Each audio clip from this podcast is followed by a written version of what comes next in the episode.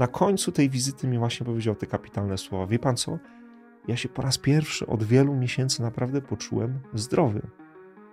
Ja się poczułem w gabinecie terapeuty zdrowy, bo nie gadaliśmy przez 45 minut o moich objawach, problemach, historii trudnej, bo tam był rozwód, bo tam była, prawda, jakaś depresja, tylko my zaczęliśmy mówić o tym, co jest jakąś siłą, przyszłością, co jest przyszłością, co jest zasobem, że im wyższe poczucie sensu życia, tym te wskaźniki depresyjności, ale też uzależnień behawioralnych, dokładnie uzależnienia od internetu, są mniejsze.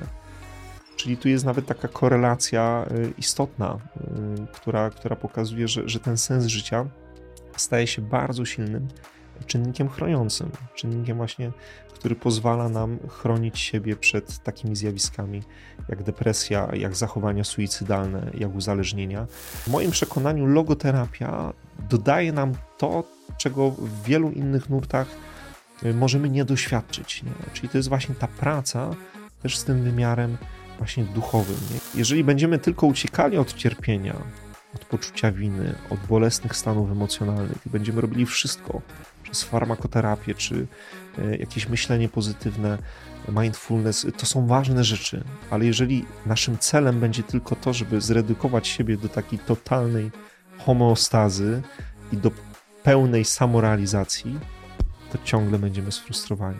Tylko dzięki Waszemu wsparciu możemy realizować ten i inne projekty. Dziękujemy.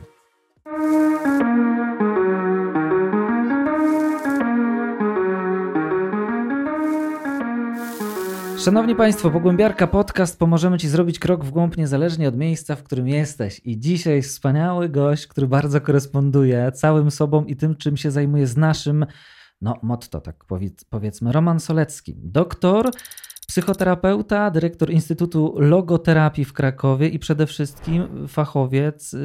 Oczywiście Roman jesteś fachowcem również od z wielu dziedzin, także z psychoterapii uzależnień, ale to, o czym chcemy dzisiaj porozmawiać, to logoterapia.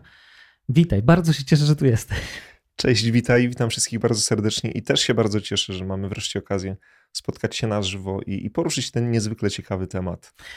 Moi drodzy, z Romanem na żywo będzie można się spotkać na naszym festiwalu Głębi, więc y, no, jak kogoś to zainteresuje i nie wyobrażam sobie, że będzie inaczej, to. Tak, to drugi turnus, zapraszamy. Drugi turnus. O czym będziesz miał warsztat? Y, o poszukiwaniu traconego sensu.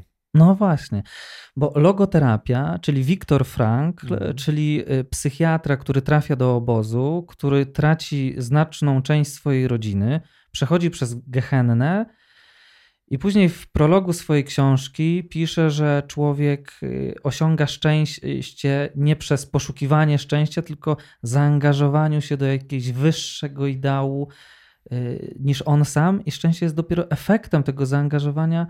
Czyli y, to jest w ogóle takie poszukiwanie szczęścia nie wprost. Nie? Masz się w mhm. coś dobrego zaangażować, a nie mhm. szukać zadowolenia.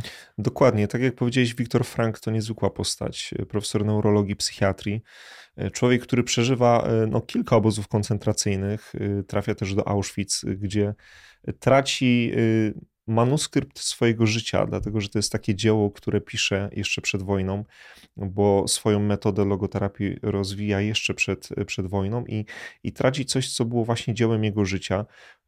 Zabiera mu tą książkę, ten manuskrypt SS-man na rampie w Auschwitz i potem to będzie jeden z takich powodów do do przetrwania, dlatego że Frank będzie odtwarzał jakby treść tego, mhm. E, co pisał i będzie też poszukiwał właśnie tego sensu życia, będąc więźniem obozu koncentracyjnego, więc e, sam jakby doświadczył, sam przekuł to, czym żył jeszcze przed wojną i myślę, o czym za chwilę też troszkę opowiemy, właśnie w triumf, w triumf ludzkiego ducha. I, i to, co powiedziałeś, on traci najbliższą rodzinę, traci brata, traci swoją żonę, traci rodziców, którzy podczas wojny umierają, i kiedy wraca po wojnie do Wiednia, w przeciągu tygodnia y, otrzymuje informacje na temat właśnie straty tych bliskich osób i sam zmaga się z kryzysem egzystencjalnym. Sam ma myśli samobójcze, mhm. ale postanawia właśnie przekuć tą największą tragedię swojego życia właśnie w triumf, w triumf ludzkiej woli, w triumf ludzkiego ducha.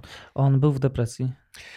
Moglibyśmy tak to zdiagnozować dzisiaj. Y, moglibyśmy powiedzieć, że to nawet było PTSD, może nawet mhm. Y, właśnie długo utrzymujący się właśnie zespół stresu pourazowego. ponieważ no, to była niesamowita tragedia. Nie? Niesamowita tragedia, w ogóle też pobyt w Auschwitz, przecież wielu nie wytrzymywało, wielu się rzucało na druty. Frank, to możemy w jego biografii Życie z sensem przeczytać, zaczyna robić wykłady dla współwięźniów, y, też w innych miejscach, w których przebywa, między innymi w Terezinie. Zaczyna prowadzić zajęcia z psychohigieny, będąc więźniem y, w różnych właśnie obozach. Y, I ma takie marzenie, że kiedyś chciałby wystąpić na Międzynarodowym Kongresie Psychiatrii. On sobie to wyobraża.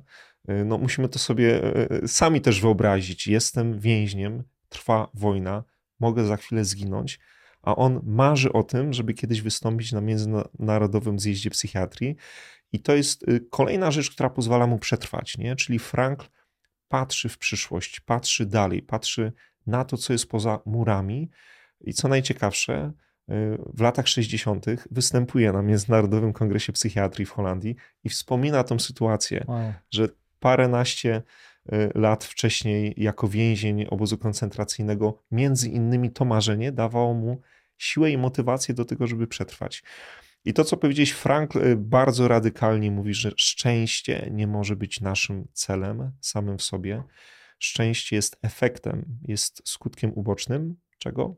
Sensownego życia, bo tego, hmm. czego człowiek najbardziej pragnie, to, to aby żyć właśnie z sensem. I jeżeli nie masz powodów do szczęścia, nie będziesz szczęśliwy, ale co ciekawe, ostatnio jednego z moich pacjentów zapytałem, czy pan ma powody do tego, żeby być nieszczęśliwym, dlatego że dużo mhm. wnosił takich tematów, y, jakie to życie jest y, trudne, straszne i jak bardzo on się czuje nieszczęśliwy w tym życiu. I jak trochę odwróciłem kartę i go zapytałem, a pan ma powody do tego, żeby być nieszczęśliwym? Zastanowił się i powiedział, wie pan co? Chyba nie. nie? I, I to jest czasami y, właśnie taka ciekawa sytuacja, nie? że my szukamy bardzo tego szczęścia, albo czujemy się w życiu nieszczęśliwi, a być może nie mamy powodów ani do tego, by właśnie to szczęście jakoś e, osiągnąć, ale też nie mamy powodów, by być nieszczęśliwymi, nie? Mhm. bo mamy na przykład dużo powodów do wdzięczności. Tak wtrącę tylko, Jasne. że y, moja ostatnia y, refleksja to jest taka, że długo byłem na takim myśleniu, że jestem przeciążony, zmęczony, nie dam rady, ciśnienie, ale jak tak się zatrzymywałem, nie no, w sumie jestem szczęśliwy. No. Mhm. Trochę sam sobie wybrałem taki moment, że jestem ale tak złapać perspektywę, tylko tak off-topic. Mm. Natomiast powiedziałeś o tym, że y, Frank mm. chce doświadczenie obozu przekuć w siłę woli. Tak, i w siłę ludzkiego ducha, tak. Czy to znaczy, że w tym nurcie jakby spinamy wolę, siłę do tego, żeby tak się usztywnić trochę i przetrwam? -hmm.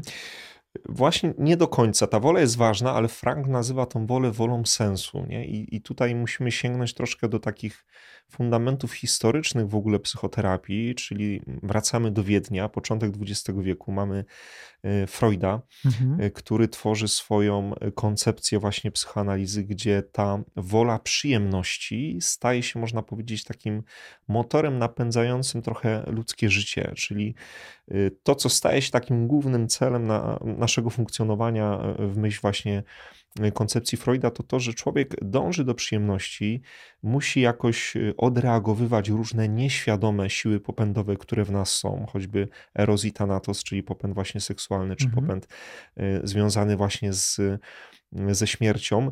Y, I ta nasza aktywność życiowa trochę się sprowadza do tego, że musimy niejako właśnie odkopać w sobie to, co nieświadome, trochę odreagować te popędy, zaspokoić właśnie te niezrealizowane potrzeby w dużej mierze seksualne, y, żeby dążyć do przyjemności. Więc Freud będzie mówił o tej woli przyjemności i o odreagowywaniu różnych mhm. rzeczy. Y, Alfred Adler, który jest takim drugim twórcą swojej psychologii indywidualnej, będzie mówił o woli mocy. Czyli, że tak naprawdę każdy z nas dąży w życiu do jakiejś siły, do, do dominacji. No chcemy, chcemy czuć, że mamy e, sprawczość, nie? chcemy czuć, że mamy życie pod kontrolą. Jeżeli czujemy się gorsi, jeżeli przeżywamy jakiś kompleks niższości, to próba kompensacji tego kompleksu motywuje nas do, do działania. I, I tutaj możemy powiedzieć, że człowiek y, reaguje nie? Na, na różne rzeczy, które w życiu go spotykają, czyli mamy różne bodźce, które, które nas dotykają, no i mamy naszą, naszą reakcję. I Frank, y, który koresponduje z Freudem, który należy do seminarium naukowego czy towarzystwa naukowego właśnie Adlera. Od niego też się uczy troszkę takich podstaw psychoterapii. Zaczyna tworzyć swoją koncepcję i odkrywa, że istotą życia psychicznego człowieka nie jest ani wola przyjemności, ani wola mocy bo człowiek nie dąży tylko do tego, żeby właśnie żyć e, w sposób przyjemny albo żeby właśnie dominować i być silnym, ale człowiek pragnie sensownego życia. I Frank hmm. E, właśnie wolę sensu e, stawia jako taki fundament nowej koncepcji, koncepcji właśnie logoterapii, która składa się z takich dwóch greckich słów, czyli logos i terapeo. Logos, które oznacza też słowo, na początku było słowo, ale oznacza też sens, więc możemy powiedzieć, że na początku był sens. Bardzo lubię takie myślenie. Tak, i terapeo, nie? czyli mhm. leczę, troszczę, dbam. Więc logoterapia to jest y, taka psychoterapia ukierunkowana na troskę właśnie o ten sens życia, na wzmacnianie tej woli sensu życia, na pomoc pacjentowi w odkrywaniu sensu życia Y, bo, bo sens nie tylko odkrywamy, ale musimy mieć też wolę sensu, żeby ten sens zrealizować, nie? Więc muszą być takie trzy perspektywy. Wolę sen, y, w sensie mhm. siłę, żeby pójść w tą stronę. Tak, tak. Czyli można powiedzieć, że sens rozpoznajemy, mamy też wolę, żeby go zrealizować, ale musimy go też zrealizować, żeby on się wypełnił, nie? Czyli muszą się te trzy rzeczy ze sobą połączyć, bo czasami może być tak, że ja rozpoznaję coś, co jest sensowne, ale nie mam woli, żeby to zrealizować nie? Albo może być tak, że ja. Ale jak mówisz, mhm. nie mam woli, żeby to zrealizować, to jest bardziej przy nie mam siły, mhm. E, czy nie mam decyzji. Mhm. Właśnie wola, można powiedzieć, sensu jest taką e, z jednej strony e, funkcją mhm. psychiczną, ale też pewną siłą, prawda? Czyli Czyli ona, no bo tak, poznawczo rozpoznajemy sens, można tak, powiedzieć, tak, nie? Tak. Że, że, że tu byśmy dali y, po stronie właśnie bardziej takich funkcji poznawczych, nie? Czyli rozpoznaję, że coś jest dla mnie na przykład sensowne. Natomiast wola będzie właśnie y, siłą taką psychiczną, nie? Taką wewnętrzną. Trochę możemy to porównać do, jak to Tomek Gubała, y, też nasz logoterapeuta, porównuje często do strzału z łuku. Jak podejmuję decyzję, no to muszę napiąć łuk, muszę wymierzyć prawda, y, do, do celu, y, tą strzałę i muszę jeszcze wziąć poprawkę na wiatr, czyli na przykład na emocje, nie, które się pojawiają.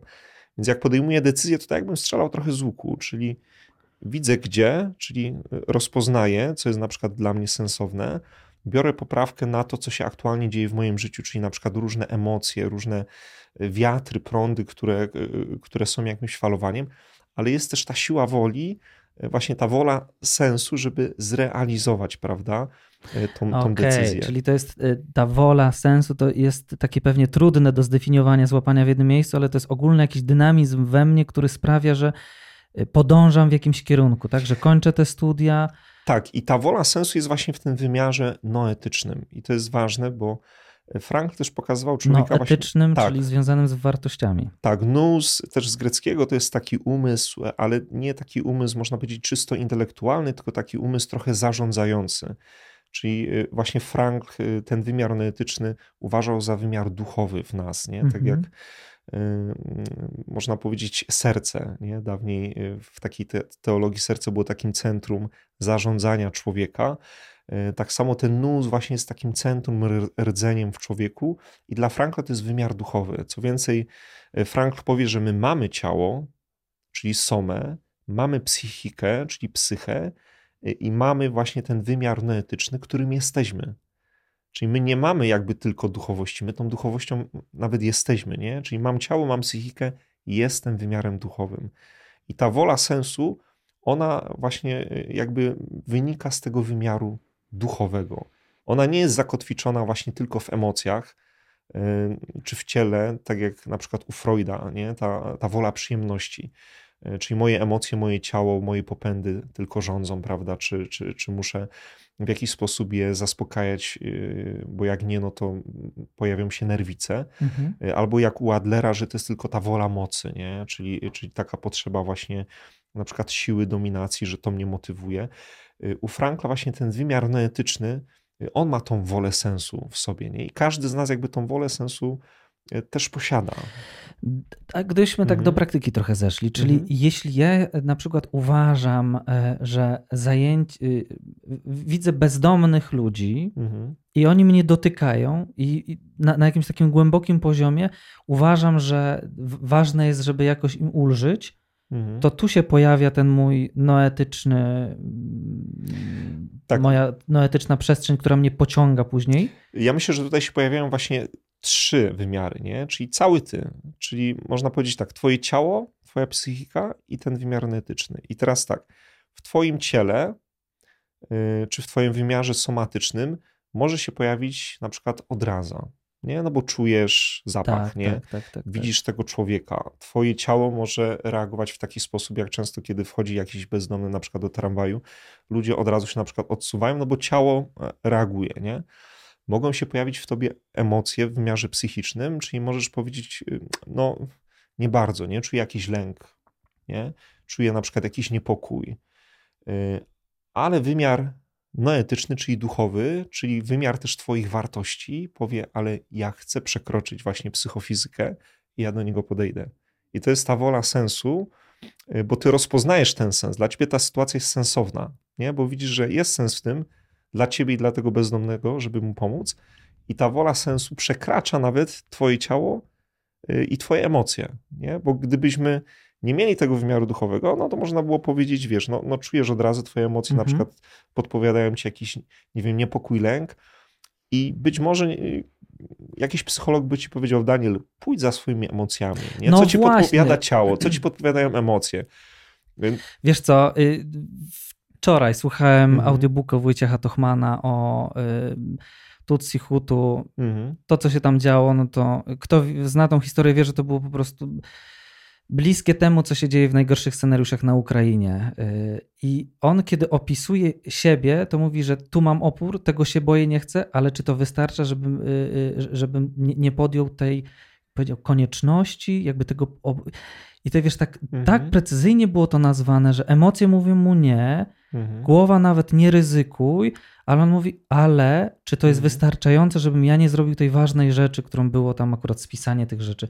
Jasne. Bardzo klarownie, myślę, opisał to, o czym również ty mówisz. Tak, ale, ale możemy, wiesz, nawet to na takim prostym przykładzie mama, która wstaje w nocy do płaczącego dziecka. Mhm.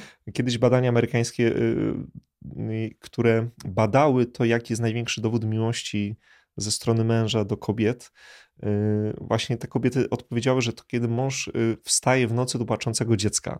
A ona może pospać. Tak, nie? I, I teraz znów popatrzmy na te trzy wymiary. Co mi mówi moje ciało i moje emocje, kiedy w nocy się budzę o trzeciej nad ranem, dziecko płacze? Przecież moje ciało nie mówi od razu wstań, idź. Moje emocje mówią euforia, radość, super. Mogę iść do dziecka, mogę je przytulić, nie? Tylko no, czujemy zmęczenie, znużenie, zniechęcenie. Wszystko mi mówi zostań w łóżku, niech to ta druga osoba idzie. A jednak właśnie, nie? Ta wola sensu, wymiar duchowy, który jest w stanie przekroczyć psychofizykę, wybiera tą wartość, jaką jest to, że ja się chcę na przykład zatroszczyć, zaopiekować. Nawet rano jak wstajesz, zobacz, nie? Już trzecia drzemka, prawda, wyłączona. Tak samo, dlaczego wstajemy? Wstajemy dlatego, że nas pociągają też jakieś wartości, które w tym dniu możemy zrealizować. I często na przykład osoby w depresji, z którymi pracuję, dlatego nie wstają z łóżka, czy czasami trudno im wyjść z domu, bo oni odcinają ten wymiar duchowy i tam nie ma wartości, które ich zapraszają do tego, żeby Hmm. je zrealizować w tym dniu. Nie? Hmm. Tam jest tylko psychofizyka. A psychofizyka mówi leż. No tak, wiesz, ja miałem nie? problem, taki, Mhm. nie potrafiłem to w sobie ułożyć. E, Narracji takiej akcentującej e, emocje, bo z jednej strony to bardzo doceniałem e, w takim momencie, kiedy wiesz, byłem sam podcinany mocno. Nie? No Mhm. jakby wrócenie do świata emocji to było takie ożywcze, ale w pewnym momencie narracja, terapia, weź to pod uwagę, to takie mam wrażenie, miałem takie wrażenie, że to mu że, że, moim celem życiowym w ogóle po to żyję, żeby być w jakimś takim konstans, takim zadowoleniu emocjonalnym. Mhm. Coś mi tu, wiesz, nie do końca grało. Czegoś brakowało, Tak, prawda? tak, tak, tak. I dlatego dla Frankla jakby ten model trójdymensionalny, bo on tak nazywa, czyli No, no. właśnie ten trójwymiarowy, no bo człowiek to jest cud. Ciało, umysł, duch. Czyli muszą się jakoś te trzy wymiary w nas pojawić. Y, Dla Frankla właśnie ten wymiar duchowy jest y, przynależny każdemu. Nie? Ontologicznie, antropologicznie, na podłożu już filozofii, my posiadamy te trzy wymiary. Mamy ciało, mamy psychikę i co więcej, y, jesteśmy właśnie tym wymiarem duchowym. I to tu, bo te słowa mogą się zlewać, nie? że duchowym to nie znaczy, że ja y, duchowość traktuję jak kościół katolicki, czy w ogóle mm. chrześcijaństwo. Tak. Jestem duchowy, to nie znaczy, że w ogóle w Boga wierzę, prawda? Tak, bo, bo to jest różnica, którą no, często ten błąd popełniamy, nie? Że, że tą duchowość trochę na równi stawiamy z religijnością. Nie? A to jest tak, że każdy z nas ma ten wymiar duchowy, czy jest tym wymiarem duchowym. I rozumiemy wymiar duchowy jako odniesienie do czegoś wyższego niż my sami. Tak, tak. To jest właśnie ten świat y, też wartości, mhm. to jest właśnie ten wymiar, w którym mamy tą wolę sensu to jest wymiar niezniszczalny, który nie choruje. I to jest też ciekawe, nie? że kiedy doświadczamy różnych zaburzeń, nawet zaburzeń zdrowia psychicznego, to duchowość jest jakby nieskazitelna. Ona jest zawsze zdrowa. Nie? Dla Frankla to jest wymiar, który, y, dzięki któremu tak naprawdę możemy ponieść objawy, y, nawet właśnie choroby, y, czy uzależnienia, czy jakiegoś innego zaburzenia. I, i, i, i ta duchowość właśnie powoduje, że, że pomimo właśnie zaburzeń czy cierpienia naszej psychiki czy naszego ciała, y, możemy się wznieść ponad. Nie? Czyli w logoterapii ważne jest to, że człowiek jest zdolny do autotranscendencji, czyli do przekraczania jakby granic właśnie samego siebie, nie? czyli że jest coś większego niż ja sam. I to zaczyna mnie pociągać i to daje energię, siłę do tego, żeby podnieść się z sytuacji tak, trudnej. Dokładnie, nie? I, I, to może być świat jakiejś wartości, nie? To może być siła wyższa, to może być Bóg, z którym buduję osobową relację. To może być jakieś dzieło czy misja, do której jestem zaproszony, bo Frank nawet y, tak ciekawie odwrócił pytanie, bo, bo my często pytamy y, na przykład, czego oczekujesz od świata? Nie? A Frank powiedział: Zapytaj, czego świat oczekuje od ciebie. Czyli hmm. nawet y, y, oczekuje, bo nam się czasami to tak pejoratywnie kojarzy, nie? że oczekuje, do czego świat cię zaprasza. Hmm. Nie? Y, bo jest wiele sensów do zrealizowania w tym świecie, które tylko ty możesz zrealizować. I to, to jest dla Frankla jakby nie, niesamowite, że ten sens, on nie jest subiektywny. Nie? Że to nie jest tak, że my sztucznie nadajemy jakiejś sytuacji sens. Nie? Czyli przyjechałem dzisiaj do ciebie do Warszawy, z Krakowa po to, żeby nadać sens tej sytuacji. Nie? I później pogadamy o tym wywiadzie i powiemy tak, na, to miało sens, no bo nadaliśmy temu sens. Y, sytuacja jest odwrotna, nie? że ten sens już był w tej sytuacji, natomiast my rozpoznaliśmy, ty i ja, że dla nas ta sytuacja jest sensowna i ona będzie sensowna też dla tych, którzy nas będą słuchać. Więc rozpoznaliśmy sens w tej sytuacji. I nasza wola sensu sprawiła, że go realizujemy teraz. Wiesz, można... to, jest, to jest inna narracja, jakoś taka, czuję się wolny w tym. Tak. Taka mhm. uwalniająca, bo yy, Jalon to jest dla mnie autor taki, który mnie wprowadzał w ogóle w świat egzystencjalnej tak. psychoterapii. Mam Obok Tischnera. Wszystkie jego książki chyba. Yy, ale i, tam jest wiele takich elementów, jakby zwracanie uwagi na śmierć, kontemplowanie mm. tej śmierci, żeby zwiększyć jakość życia, świadome mm. życie. Mm. Natomiast ten, u niego jest taki bardzo wyraźny element, że on mówi, że życie nie ma sensu. Mhm. Że my właśnie dopiero możemy nadać sens temu, co mhm. istnieje. Mhm. I będzie, jak ja to przeczytałem i tak trochę przy tym pobyłem, to czułem się taki obezwładniony. Zabrało mi to bardzo dużo siły. I do tej pory we mnie to drzemie jakoś takie pytanie, ale to jak naprawdę jest? Może to wszystko, co robię, nie ma sensu. Jedyne, co mogę widzieć, to taki efekt, że taki sposób myślenia dużo mi odebrał a zmiana perspektywy wydaje inne owoce, tak mówiąc trochę. Tak. Religijnym językiem. Mhm. To tylko dokończę właśnie ten wątek o, o tą religijność, mhm. o którą zapytałeś, że, że, że tutaj jest ta różnica, nie? że duchowość jest w każdym z nas. Nie? Każdy z nas jest, można powiedzieć, y, w tym języku logoterapii wymiarem duchowym, a religijność to jest już konkretna decyzja, nie? że ja wchodzę w konkretny system, w konkretną denominację, jestem w konkretnym kościele, nie jestem chrześcijaninem, jestem katolikiem, ale nawet jakbym nim nie był i nawet jak się deklaruję jako osoba niewierząca y, czy poszukująca, to i tak mam ten wymiar duchowy i ten wymiar duchowy nie sprowadza się tylko do przeżycia estetycznego, jak czasami ta duchowość też jest zredukowana, nie? że to są tylko jakieś, można powiedzieć, doświadczenia duchowe, e, czy czasami niektórzy nawet psychiatrzy traktują duchowość jako dodatek. Niektórzy mówią, że to jest mechanizm obronny. Mój znajomy profesor e, mówi, że on nie ma duchowości, bo jego mózg nie wytworzył takiego obszaru, nie? Ta duchowość jest na równi, można powiedzieć, y, jakby z tym y, ciałem i z tą psychiką, i one się wzajemnie też przenikają. To nie jest tak, że one są oddzielone grubą kreską, nie? Że, że one żyją osobno. To wszystko można powiedzieć, y, to cały ja. Nie? To, to jest ta niesamowita integralność, którą Frank jakby pokazuje. I to, co robi logoterapia, to ona otwiera podwójne drzwi. Czyli z jednej strony otwiera drzwi psychosomatyki, bo się możemy zapętlić tylko w naszym ciele i w naszych emocjach, otwiera właśnie te drzwi na wymiar noetyczny, czyli właśnie na ten wymiar duchowy, w którym jesteśmy, a dodatkowo otwiera ten wymiar duchowy na transcendencję. I otwiera te drzwi, ale ich nie przekracza. I to jest jakby niesamowite, że, że logoterapia jako psychoterapia, bo to jest też taki nurt psychoterapii egzystencjalnej czy humanistyczno-doświadczeniowej, e, tak byśmy to dzisiaj nazwali, tak samo jak właśnie y, Jalom też się wpisuje właśnie w tą psychoterapię egzystencjalną. Logoterapia otwiera drzwi na transcendencję, ale ich nie przekracza, bo to już jest jakby e, przestrzeń właśnie teologii, wiary, nie? To już jest kwestia twojej decyzji, mojej decyzji, w co wierzymy, czy to jest właśnie siła wyższa, czy to jest Bóg osobowy, czy to jest relacja, nie wiem, z Jezusem.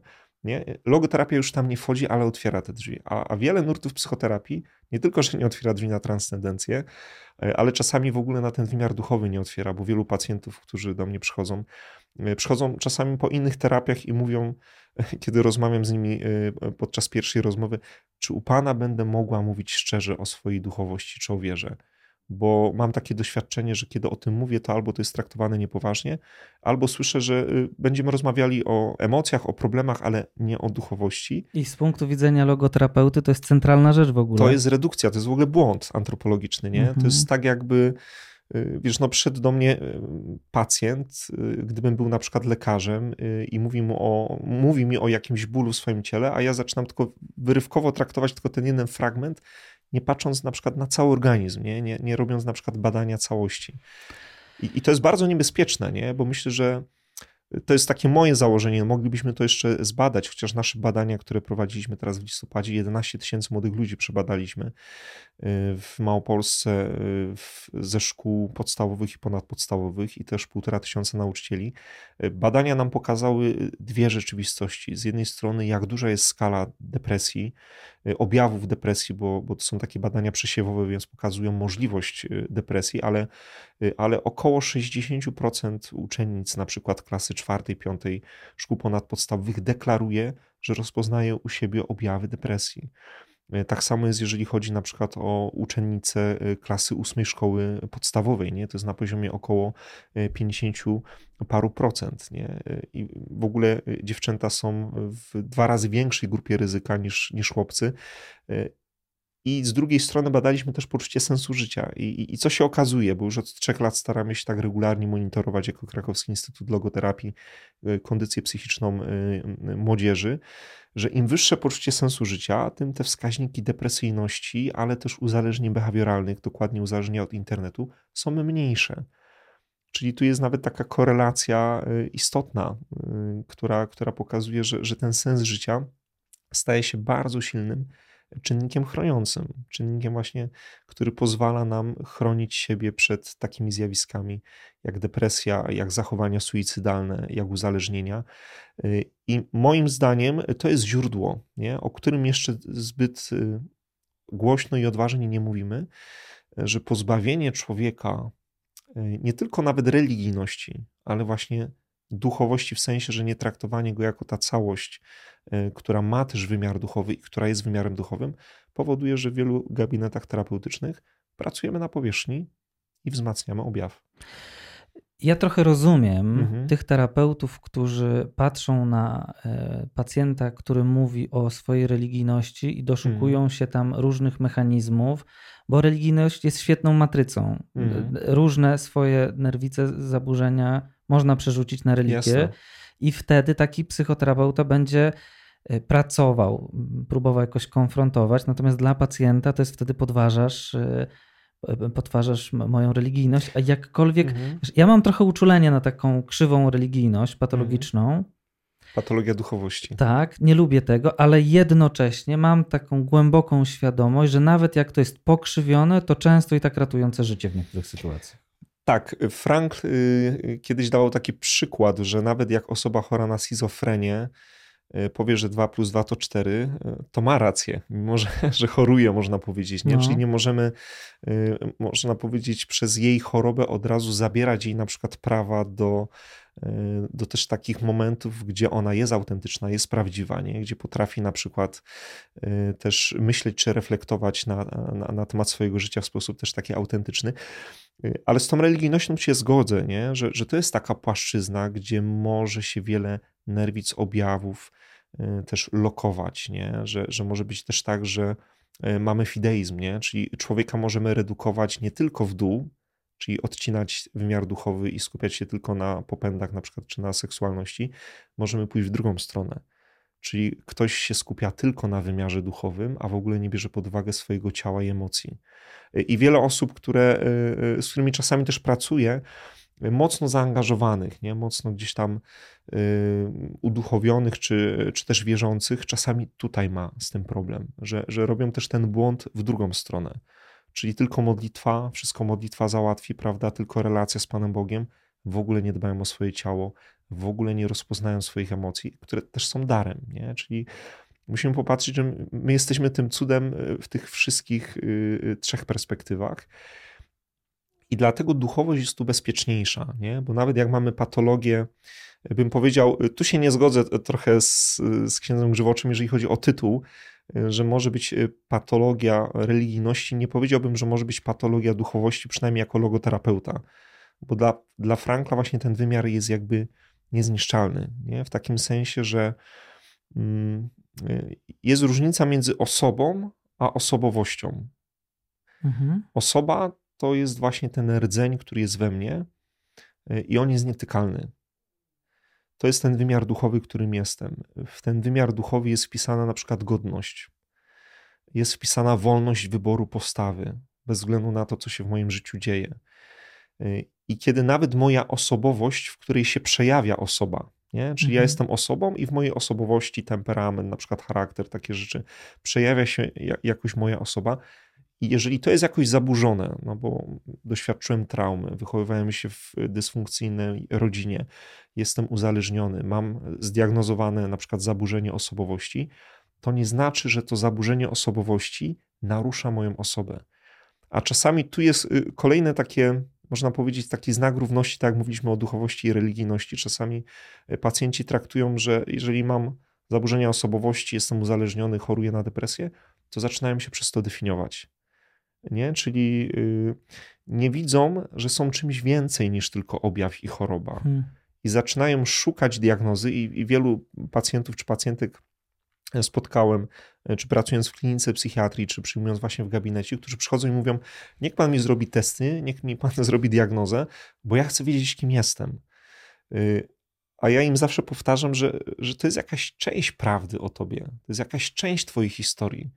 I ty dzisiaj masz wolność w przyjęciu postawy wobec tego, co cię w życiu spotkało, że to nie jest wyrok, nie? że diagnoza nie jest wyrokiem, że, że właśnie logoterapia patrzy ponad objaw i dzięki temu nie wzmacnia tego objawu, y, ale pozwala wydobyć siły, które y, mogą ten jakby objaw unieść, nie? udźwignąć.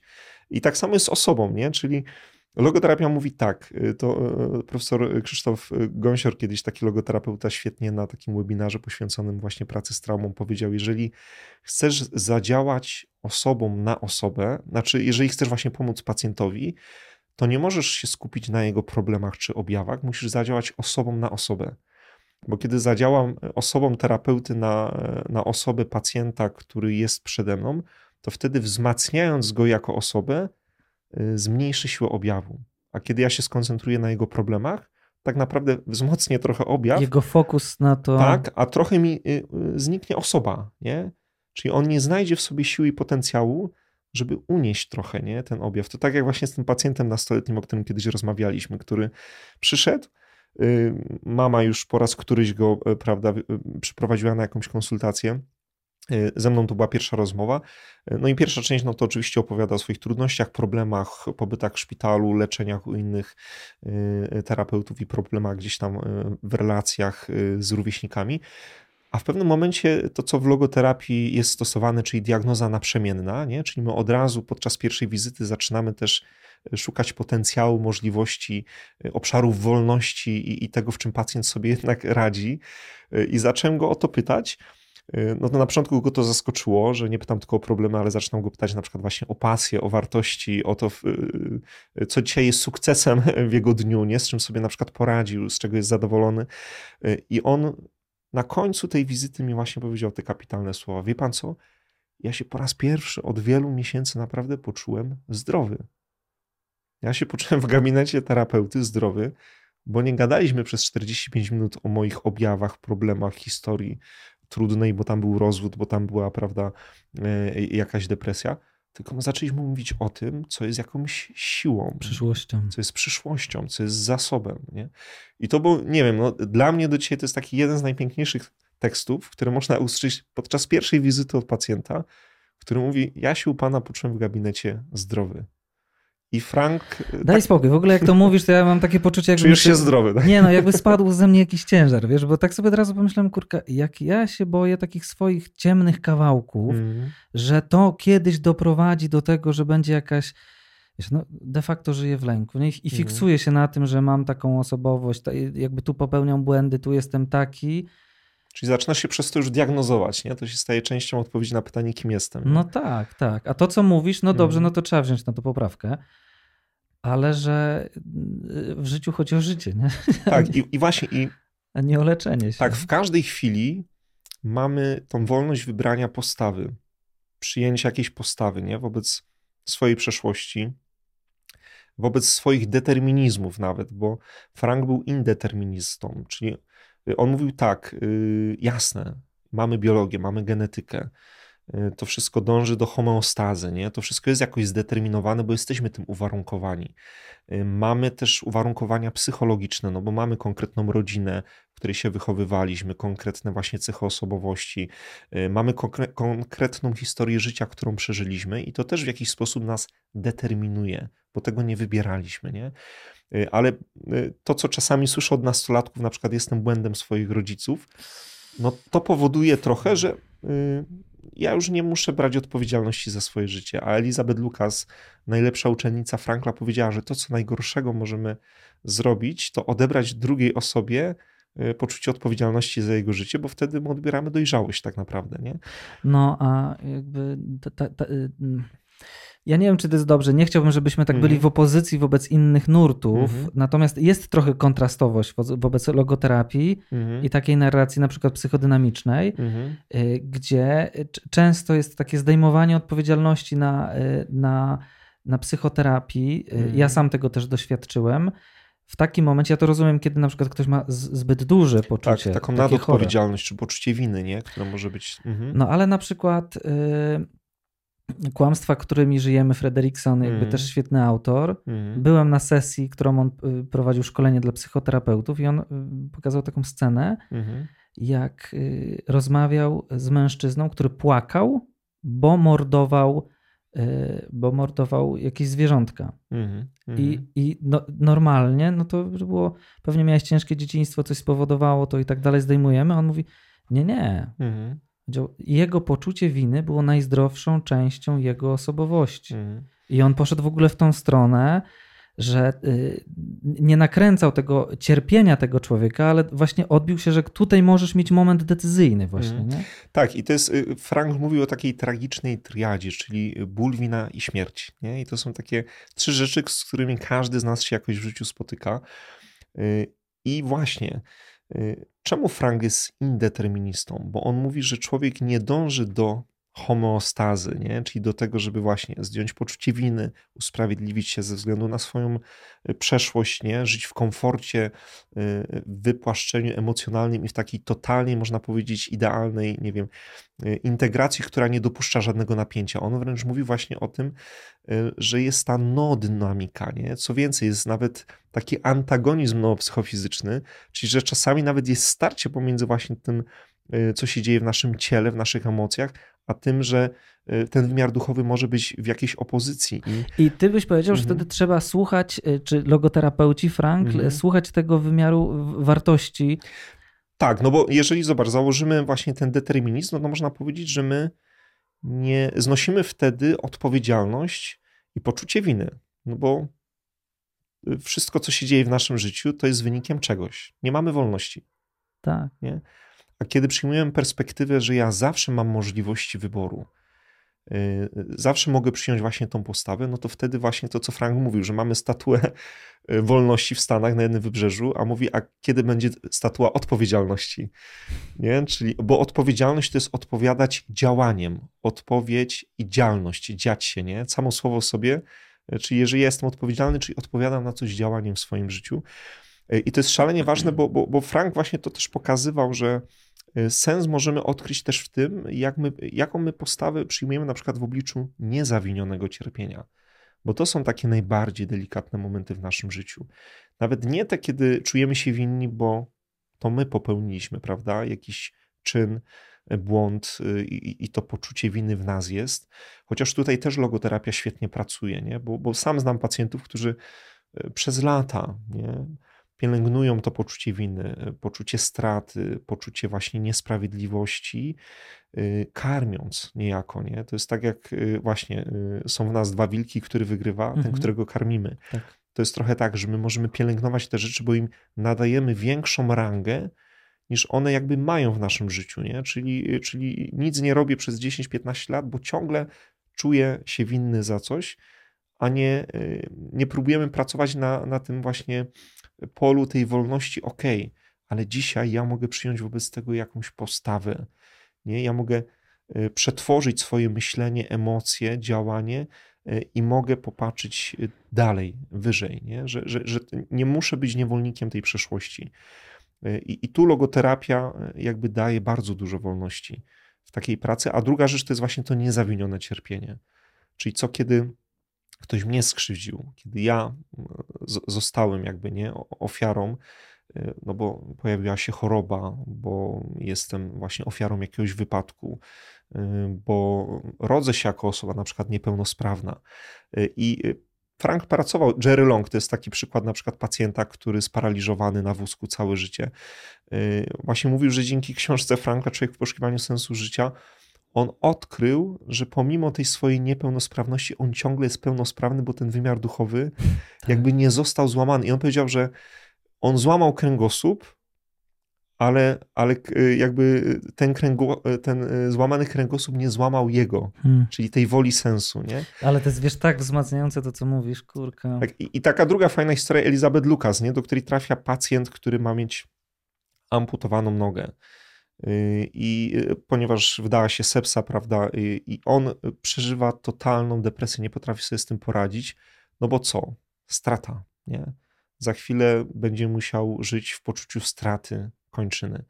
Y, I Elizabeth Lucas, pracując z nim logoterapeutycznie, mówi tak: No, to jest też taka technika modulacji postawy, że niech pan popatrzy na to, że ten zabieg, ta operacja, to nie jest operacja, której celem jest to, żeby pana pozbawić nogi. Celem jest to, żeby pan uratować życie. Nie? Że, że, że jakby to jest cel, nie? Że, że pan e, jakby będzie żył. To jest jakby istota, to jest cel, nie? A jakby ta utrata nogi trochę jakby też staje się konsekwencją tego, żeby zawalczyć o pana życie. I nawet zmiana tej perspektywy już dla niego e, jakby okazała się właśnie taką możliwością, że że on będzie żył, nie? że on tak naprawdę nie umrze, że, że dostaje niejako dar życia po raz drugi, a nie, że on był sfokusowany tylko na tym, że on straci nogę. A teraz krótka przerwa. Chciałbym zaprosić Cię do naszej bezpłatnej aplikacji Pogłębiarka. W tej aplikacji znajdziesz codzienne medytacje, kursy rozwijające nas psychologicznie i duchowo, praktykę modlitwy głębi, sortownik myśli, czyli to, co znamy jako ignacjański rachunek sumienia muzykę medytacyjną oraz tradycyjne modlitwy. Wszystko to bez opłat dla Twojego rozwoju. Pobierz i rozwijaj się. Gdybyśmy mogli jeszcze przy tym poczuciu winy trochę mm -hmm. zostać, bo mm -hmm. powiedziałeś niezawinione w sensie. Cierpienie. Cierpienie mm -hmm. niezawinione, ale jest też takie cierpienie, na przykład. Wymyślam przykład. Y, jest kobieta, której córka popełniła samobójstwo. Dla mhm. rodziców to jest zawsze wyjątkowo dramatyczna sytuacja mm. i do końca życia najprawdopodobniej z tym doświadczeniem zostaną bardzo takim żywym. Mm. I można wyobrazić sobie taką sytuację, gdzie decyzja tego dziecka była jakoś uwarunkowała, uwarunkowana tym, co się powiedzmy w domu działo mm. i tak mhm. dalej. Mhm. Ale nie musi tak być. Mm. Mogła to być ostatecznie, jakby, czy zawsze jest ostatecznie, to jest wolna osoba, która podjęła taką decyzję. I jak logoterapia na przykład do takiego wątku podejdzie? Mm. Kiedy... Jasne, to jest bardzo trudny temat, choć y, no niestety też przychodzi mi z takimi osobami pracować.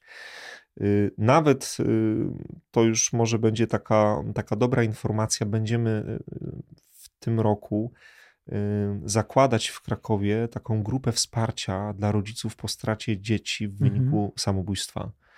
E, bo widzimy coraz większą potrzebę. Są takie grupy też online, grupy ogólnopolskie, które pracują z takimi rodzicami, ale też do nas zgłosiła się jedna właśnie z takich mam, która e, sama po przepracowaniu takiej, można powiedzieć, no traumy, e, czuje też taką gotowość i, i chcemy taką grupę stworzyć, żeby ci rodzice, których niestety też przybywa, mogli właśnie poczuć siłę grupy, ale mhm. też mogli w sobie trochę przepracować właśnie to, Y, że, że stracili dziecko i być może się obwiniają, nie? Bo, bo depresja, czy choroba psychiczna, czy zaburzenie i, i, i to, że ktoś właśnie podejmuje się potem takiej decyzji związanej z tym, żeby odebrać sobie życie, jest y, y, wielowątkowa i, i wieloczynnikowa. Nie? To nigdy nie jest tak, że, że ktoś po jednym powiedzmy, nie wiem, jakimś zachowaniu rodzica y, od razu taką, prawda, decyzję podejmuje, bo, bo to jest coś, co się też rozwija, nie? To jest jakiś proces.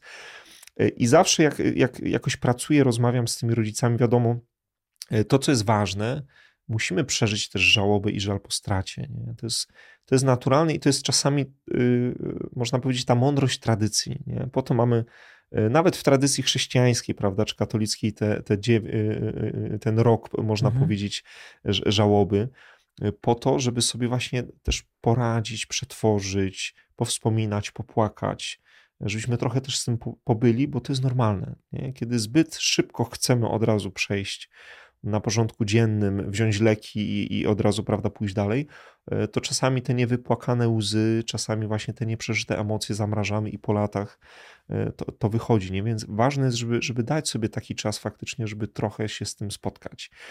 Natomiast ja zawsze staram się tym osobom pokazywać to, że Zawsze z dzisiejszej perspektywy łatwo nam jest siebie osądzić. Nie? Zawsze dzisiaj jesteśmy mądrzejsi niż byliśmy wczoraj, 5 lat temu e, czy, czy, czy 10 lat temu.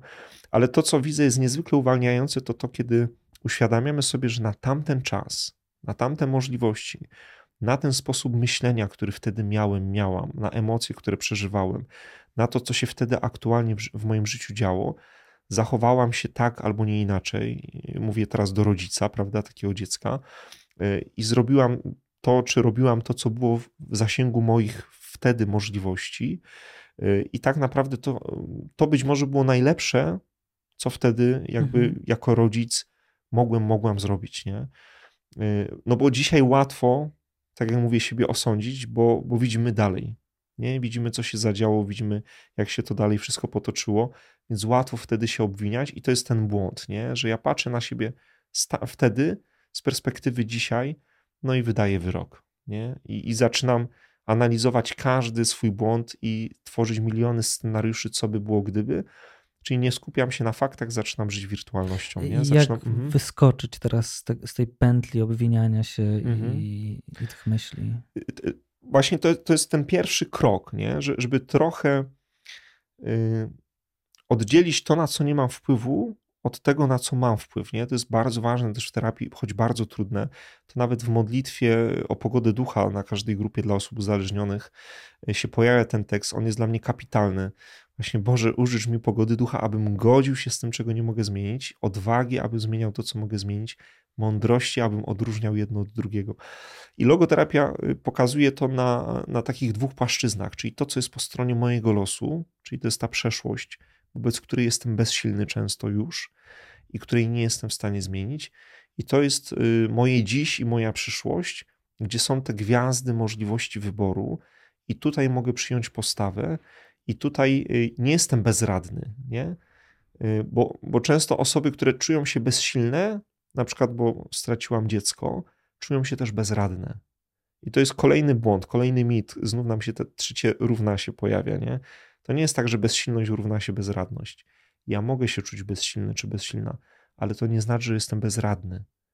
Nie? Wobec tej sytuacji czuję się bezsilny, bo to jest los, to jest moja przeszłość, y, tego już nie jestem w stanie zmienić i mogę tam zostać.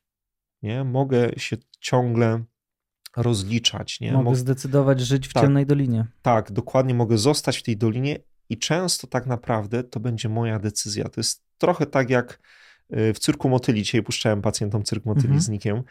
Y, Człowiek bez rąk, bez nóg, gdzie jest właśnie ten kapitalny tekst, gdzie Mendes, y, który jest właśnie właścicielem cyrku motyli, mówi do, do, do, do, do Willa właśnie, w, czyli do Nika w tym, w tym filmie krótkometrażowym, że ludzie uważają cię za potwora, sam Bóg się od ciebie e, oddalił, nie? I, i, i właśnie Nick, który gra, gra Willa e, w Cyrku Motyli, mówi, przestań, dlaczego ty tak o mnie mówisz, nie? On mówi, bo ty sam w to wierzysz, bo ty sam w to wierzysz, nie? I ja widzę, że czasami to wyjście z doliny to jest właśnie trochę to, żeby popatrzeć y, poza, nie? Popatrzeć y, wyżej, popatrzeć troszkę dalej, nie? że ja nie muszę cały czas i czasami nie krytykując innych podejść, nie? Ale, ale też nie chodzi o to, żebyśmy ciągle byli właśnie w tej ciemnej doliny, dolinie i szukali tam, można powiedzieć, ciągle tych przyczyn, nie? ciągle tych źródeł, ciągle tych emocji, które tam są, bo my możemy tam zostać. Nie? To Może... też jest ważne. To jest ważne. To też tak, jest potrzebne. Ja też nie chciał, żeby to tak wybrzmiało, że krytykujemy, bo ja sam nie. dużo dobrego doświadczyłem, ale tak. w mhm. pewnym momencie jest tak, że ponazywałem i jak chcę iść dalej. Tak, I, trzeba wrócić jak w Narni, nie? że no. przychodzi czas, kiedy trzeba, trzeba trochę wrócić i i jasne, inne nurty fajnie, że są, nie? I super, że, że też pracują, e, czy z rodziną, czy właśnie z przeszłością, czy tak jak Cebet z tym, że, że modyfikujemy też zachowanie, nie? Mhm. Czy poznawcze, czy behawioralnie. Ale w moim przekonaniu logoterapia dodaje nam to, czego w wielu innych nurtach e, możemy nie doświadczyć, nie? Czyli to jest właśnie ta praca też z tym wymiarem właśnie duchowym, nie? I tu Frank Mówił, że czasami mu zarzucano, nie? A to jest trochę taka filozofia. On mówił, to sami pacjenci przychodzą do mnie z filozoficznymi pytaniami. Po co jestem, kim jestem, dokąd zmierzam, jaki jest sens i cel mojego życia, właśnie co zrobić z tym cierpieniem, które mnie spotkało. I Frank mówił, ja im tylko pomagam odnajdywać odpowiedź na te filozoficzne pytania. I, I wyobraź sobie, że ja właśnie czasami takich pacjentów mam, nie? którzy przychodzą i mówią, proszę pana, ja mam 40-50 lat i po raz pierwszy pan mi zadał pytanie, yy, kim ja jestem i po co żyję. Mhm. Chciałeś zapytać. Chciałem zapytać, bo Frankl też y, napisał w tej samej książce, że właściwie sensu nie odnajdujemy, tylko sens nam jest dany. Mhm. Tak, i tutaj właśnie jak popatrzymy na e, znów filary nie, logoterapii, to co je odróżnia od innych nurtów w, amerykańskim podręczniku właśnie e, do psychiatrii, tam, tam jest taki podział na trzy jakby takie siły, nie? E, pierwsza to jest właśnie ta terapia, można powiedzieć, psychoanalityczna, nie? która mówi właśnie o tym, że człowiek głównie właśnie odreagowywuje różne tak, rzeczy. Tak, tak. Drugi to jest właśnie ten nurt, można powiedzieć, taki trochę Y, terapii behawioralnej, że człowiek reaguje na różne rzeczy, a logoterapia, która jest w nurcie właśnie psychiatrii egzystencjalnej, mówi o tym, że człowiek działa. I to jest takie fajne, że możemy odreagowywać, możemy reagować, ale możemy też działać. Y, I dla logoterapii jakby y, logoterapia ma trzy filary, na których się opiera. To jest antropologia, filozofia i psychoterapia. Czyli można powiedzieć, że, że ma dodatkowo antropologię i filozofię, która bardzo często nie jest w ogóle obecna w innych y, podejściach, albo jeżeli jest obecna, to wtedy niestety mamy ten błąd antropologiczny, że człowiek jest zredukowany na przykład tylko do, do, do wymiarowości. I tu właśnie odpowiadając na Twoje pytanie, logoterapia uważa, że y, ten wymiar antropologiczny mówi, że człowiek właśnie dąży do sensownego życia, ma w sobie tą wolę sensu, a w tym wymiarze, w tym filarze filozoficznym, Frank mówi, że sens jest obiektywny. Nie? Że on jest, można powiedzieć, w każdych okolicznościach do odkrycia. Że on, można powiedzieć, właśnie czeka na jego wypełnienie i realizację. Y, i on jest w każdej też sytuacji, nie? Czyli my mamy sens taki oso osobowy, osobisty nasz, ale też każda sytuacja ma też jakiś sens, nie? I te sensy się, można powiedzieć, niejako spotykają. Y, czyli spotyka się sens tej sytuacji, w której jesteśmy, spotyka się mój sens osobisty, ale ten sens prawdziwy jest wtedy, kiedy nie tylko ja zrealizuję, zrealizuję sam siebie, jak mamy na szczycie piramidy Maslowa, tylko realizuję też ten sens, który też dla ciebie jest ważny. Nie? Czyli y, próbuję sobie wyobrazić, jak mm. w praktyce mogłoby to wyglądać. No jest jakaś y, sytuacja taka, że ktoś, komuś się biznes zawalił, mm. y, czy jakieś ogólnie plany, coś w co włożył mm. wiele pracy, cokolwiek to było, budował coś. -hmm. Jest sytuacja dla niego jakoś bezsensowna, rozsypki, straty. I rozumiem, że w tej sytuacji może znaleźć coś, y, y, co jakby jego sposób zaangażowania, który będzie bardzo sensowny, czyli nadający mu też siłę, motywację i na mhm. przykład to może być tak, taka sytuacja, że zwracam uwagę na to, że w końcu przenoszę akcent na relacje, mhm. rodzina albo odkrywam ludzi dalej. Tak, do, dokładnie y, to jest dobry przykład, bo w logoterapii profesor Lukas pokazuje to na takim fajnym przykładzie, jak y, odkrywamy ten sens, jak możemy odkryć nie? sens życia. To są takie trochę dwie połówki. Jakbyśmy jakąś kulę przecięli na pół, no to mamy takie dwie połówki i jedna połówka to są moje y, możliwości, moje zasoby, a druga to są potrzeby w świecie, które widzę i które mnie jakoś poruszają. Mhm. I teraz tak, jeżeli ja widzę taką potrzebę w świecie, głodujące dzieci w Afryce, i ona mnie porusza, nie? i patrzę na swoje możliwości, i te moje możliwości są zbyt małe, moje na przykład, nie wiem, zasoby finansowe, moje zdolności, talenty, ja próbuję rozwiązywać problem na przykład głodu w Afryce, bo to mnie porusza, ale nie mam w ogóle możliwości i się spotkają te dwie rzeczywistości, to się może pojawić frustracja egzystencjalna. Bo ja ciągle będę realizował, czy próbował robić coś, co tak naprawdę przekracza moje możliwości. I ciągle się będę mhm. frustrował ale może być sytuacja odwrotna, nie? że może być ktoś, kto na przykład ma bardzo duże możliwości, bardzo duży potencjał, ale w swoim życiu zajmuje się takimi e, rzeczami, takimi małymi potrzebami, które powodują nudę egzystencjalną. Czyli ciągle wiesz, mam pieniądze, mam firmę, zarabiam, wszystko niby się udaje, a ciągle czuję, że moje życie nie ma sensu. Więc y, ja często to z pacjentami robię, nie? Że, że, że robimy sobie tabelkę, dwie listy, oni mi mówią o swoich właśnie zasobach, potencjale, możliwościach, potem mówią mi o tym, jakie potrzeby widzą w świecie, które ich poruszają, które ich wzruszają, które ich pociągają.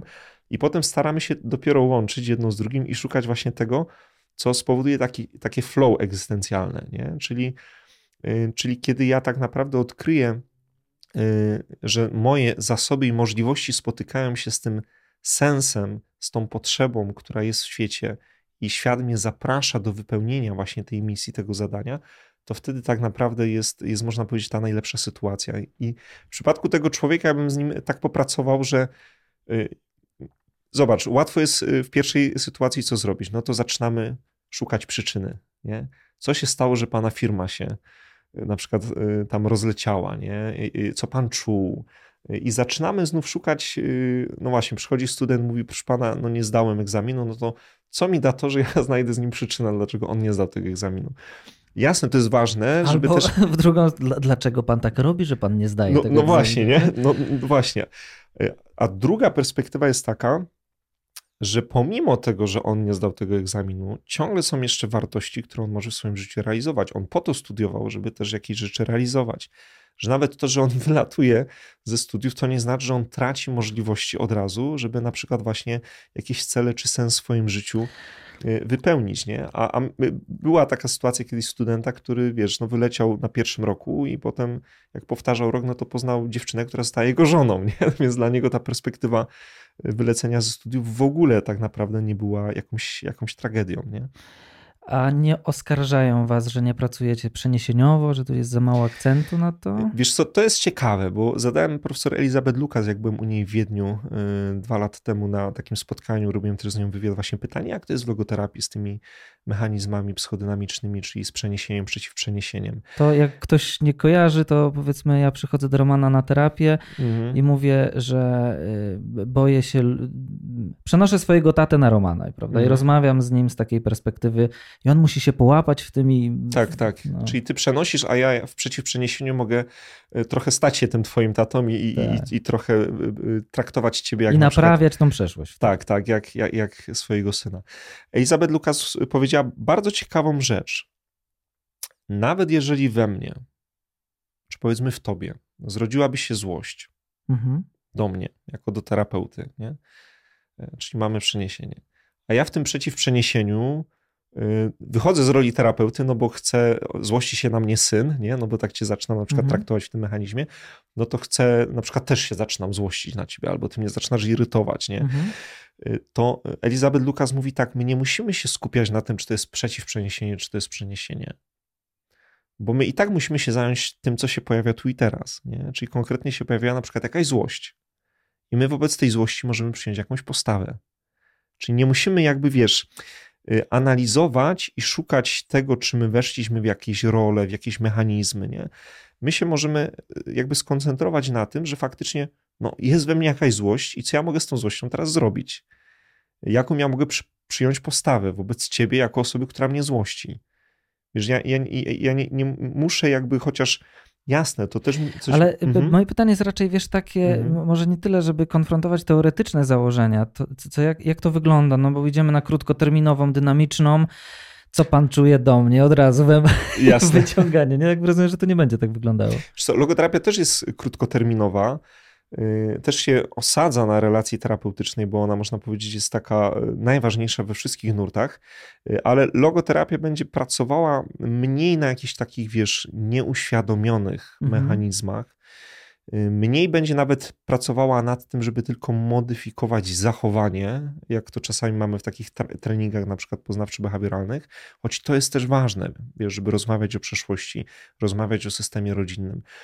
Ale logoterapia Y, będzie się starała właśnie y, troszkę jakby otworzyć właśnie na ten wymiar wartości, na wymiar sensu, na wymiar czasami nawet y, zablokowanych treści duchowych, nie? bo może być tak, Frankl, Frankl zresztą o tym też mówił, że niektóre nerwice, tak jak nerwica noogenna, którą nazwał, ma swoje źródło też w tym, że ten wymiar duchowy może być niejako w nas zamurowany, nie? że kiedy my się odetniemy, wiesz, na przykład od tego wymiaru duchowego, może się pojawić nerwica, która się objawia w ciele i w emocjach, ale przyczyna nie jest w tym, jak na przykład u Freuda, że blokujemy seksualność, nie? Może być też przyczyna w tym, że my blokujemy w sobie duchowość. Ale podaj przykład, proszę, takiej no, sytuacji. No wiesz, człowiek, który na przykład y, nie zadaje sobie pytania y, o sens, o cel, nie szuka odpowiedzi na to pytanie, Y, nie, nie ma kontaktu z wartościami, bo zobacz, my się często uczymy teraz kontaktować z emocjami, wgląd w emocje, tak. rozpoznawać emocje, wyrażać emocje, nazywać emocje. Y, a w logoterapii my uczymy się też, żeby rozpoznawać wartości, deklarować, y, znaczy nie tylko deklarować, ale też realizować wartości, uczyć się przeżywać te wartości. I to poka pokazuje na takim, wiesz, prostym przykładzie, na przykład pacjentom jest taka skala preferencji wartości profesora Popielskiego. I tam są różne wartości wymienione, no i pacjent tworzy taką hierarchię swoich wartości. I na przykład miałem kiedyś pacjentkę, która wybrała takie trzy najważniejsze dla niej wartości w życiu: miłość, wolność, rodzina. I gdybym został na tym poziomie wartości tylko deklarowanych, to bym powiedział super fajnie, nie? tu mamy poukładane.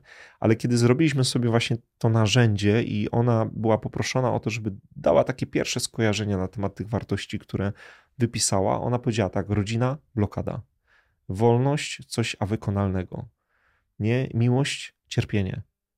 I ja nagle odkryłem, że tu jest ta różnica, nie? że możemy deklarować jakieś wartości, ale my ich możemy w życiu w ogóle nie realizować. I to może nasz stan psychiczny pogrążać. Ta, tak, bo, bo Frank mówi o takim właśnie trójkącie. Yy, wartości same w sobie są sensotwórcze. My je często, wiesz, traktujemy trochę tak po macoszemu, nie? że one są takie Wiesz, no, no, żyjemy, mamy jakieś wartości, deklarujemy jakieś wartości, one są strasznie ważne, nawet ważniejsze niż emocje, bym powiedział.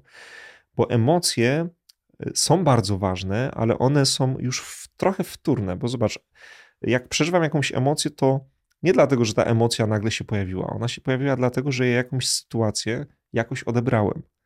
Nie? Czyli na przykład powiedzmy, gdybym teraz czuł niepokój rozmawiając z tobą, to nie dlatego, że w tej sytuacji jest niepokój zawarty, tylko dlatego, że mógłbym na przykład oceniać tą sytuację jako zagrażającą mnie, bo na przykład boję się krytyki, oceny, tak. komentarzy, wiesz, nie? I, i, I dlatego zaczyna się pojawiać jakiś niepokój czy lęk, bo ja przetworzyłem, czy zinterpretowałem tą sytuację, poczułem się jakoś zagrożony, nie? Czy jakaś wartość dla mnie ważna, na przykład e, poczucie, nie wiem, e, mojej wartości zostało tutaj zagrożone, nie? No bo poczułem, że mogę stracić na przykład, nie? Jakoś ta, ta, ta wartość może, może tutaj y, właśnie stracić na, y, y, na wadze. I dlatego zaczyna się pojawiać we mnie jakiś też proces, proces poznawczy, emocjonalny i zaczynam potem w zachowaniu na przykład, wiesz, unikać pytań, jakie mi stawiasz, nie? No bo boję się na przykład dać jakichś głupich odpowiedzi. I Frank to pokazywał na tym trójkącie świetnie, właśnie w taki sposób. Wartości same, sobie, same w sobie są sensotwórcze. Y, kiedy realizuje wartości, nie tylko je deklaruje, ale je realizuje, tak jak na przykład właśnie miłość, wolność, godność, y, to efektem realizacji tych wartości jest właśnie na przykład szczęście, poczucie szczęścia, równowaga, satysfakcja, spełnienie. To jest efekt. I w konsekwencji mogę powiedzieć wtedy, że doświadczam sensu, nie? Poczucia sensu. A my często zmieniamy w ogóle, wiesz, drogę, nie? Czyli idziemy na skróty czyli nie doświetlamy wartości w moim życiu, nie realizujemy ich, nie jesteśmy w stanie, wiesz, nawet rozpoznawać tych wartości, y, a szukamy efektu, czyli wiesz, równowagi, satysfakcji, szczęścia. I tu jest ryzyko, na przykład też często w uzależnieniach, powstawania mechanizmu nałogowego regulowania uczuć i emocji.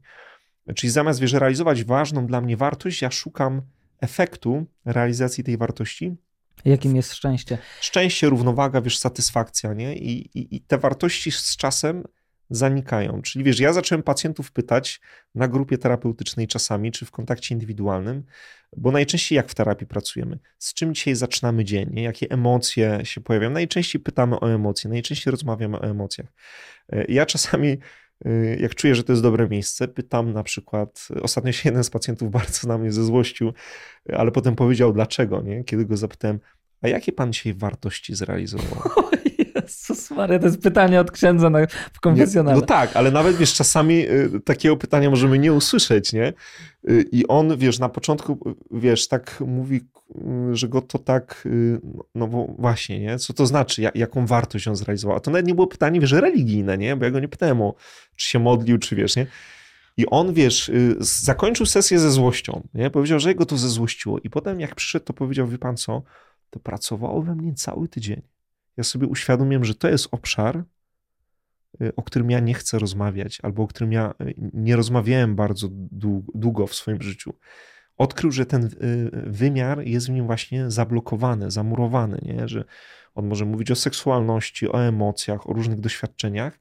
I tak trochę, wiesz, zaczęło się w gabinetach terapeutycznych robić, że ja mam takie doświadczenie, że, że pacjenci z bardzo dużą łatwością mówią o swoich doświadczeniach seksualnych i, i, i, i wiesz, ta seksualność jest teraz taka e, łatwa nie? w mhm. mówieniu, w pokazywaniu, w opowiadaniu, a krępują się mówić na przykład o swojej duchowości albo właśnie o swoich wartościach.